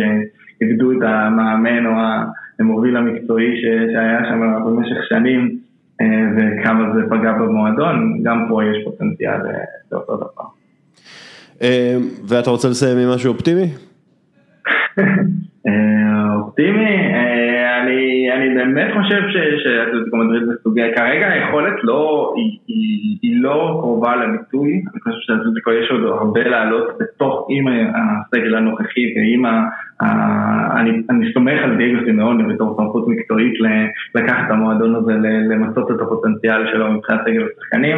אני כן מאמין שיש פה מקום למאבק אליפות אמיתי מול ריאל מדריד בעונה הזאת. אני, אני, אני חושב שריאל מדריד כרגע היא קבוצה יותר טובה, אבל אתלטיקו מדריד כן יכולה להתחרות ראש בראש מול ריאל מדריד בעונה הזאת. ולעשות רצח של שתי אליפויות בתור אתלטיקו מדריד רצוף זה יהיה... זה הזוי, זה באמת לא, לא משהו, זה משהו כמעט בלתי נתפס, ואם זה יקרה זה... אני באמת חושב שיש סיכוי שזה יקרה וזה... כן, רק, רק העובדה ש... שמדברים על זה כעל אפשרות, זה, זה די מדהים, כאילו צריך כאילו לשים את הדברים בפרופורציה, כי בכל זאת זה, זה אתלטיקו מדריד, זה לא איזה קבוצה שאמורה להיות שם למעלה עם ברצלונה וריאל כן, מדריד זה, לאורך השנה. זה מועדון ענק ש, שמתמודד מול מועדונים עצומים. כן, כן, זה בדיוק, זה באמת מועדון ענק, הגדרת יפה, שמתמודד נגד טיטנים, וזה ה... זה הבאסה העיקרית, אבל זה גם, אתה יודע, זה גם מה שהופך את אתלטיקו מדריד לכל כך מיוחדת. טוב, רוזנטל, דיברנו 33 דקות ככה יפה, עברנו על הכל נראה לי, לא? כן. אוקיי, סבבה, תודה רבה. כאילו, הנקודה היחידה שלא, זה, כאילו, הייתה לי איזו נקודה על אובלק ספציפית, אבל זה... אז בוא, תן, תן, תן, יאללה, תן, מה הנקודה האובלקית הספציפית? אובלק הוא העוגן הכי חזק שיכול להיות לקבוצה, באמת הוא, אני חושב שעדיין למרות שזה נהיה קונצנזוס לפרקים להגיד שאובלק הוא השוער הכי טוב בעולם, או כן או לא, ושאלות וזה, אני באמת חושב שהוא עדיין underrated, יאן אובלק מבחינת היכולת, ה shot stopping, היכולת שלו לעצור בעיטות לכיוון השער, זה משהו שאני באמת לא זוכר. היכול, הקונסיסטנטיות, כן. כמה אני מרגיש בטוח כשאובלק בשער, זה משהו שאני לא זוכר בתור אוהד כדורגל של שום קבוצה או בשום סיטואציה שאין של זה, אתה באמת יכול לסמוך עליו שאם שוער יכול לעצור את הכדור, אובלק יעשה את זה. וזה עוד, עוד enabler לציברון לשחק את המשחק קצת יותר פתוח וזה, כי באמת יש שוער שגם עם ההגנה לא בצורה אידיאלית וגם אם רוצים לשחק יותר ספציפי, עדיין יש את העוגן הזה ואת השחקן הזה שהוא באמת הטופ עולמי הכי גדול שיש בקבוצה כרגע די בפער, ואפשר לסמוך עליו, אין שחקן שאפשר לסמוך עליו יותר כנראה בעולם, וזה הנכס כנראה הכי משמעותי שיש. בהחלט, אני חייב להסכים איתך, יאן אובלק הוא... הוא באמת, אם, אם אתה יודע, מסתכלים על הנתונים המתקדמים, הוא, הוא עוצר בין עשרה לחמישה עשר שערים ב, בעונה, כלומר בחישובים של ה-xG וה...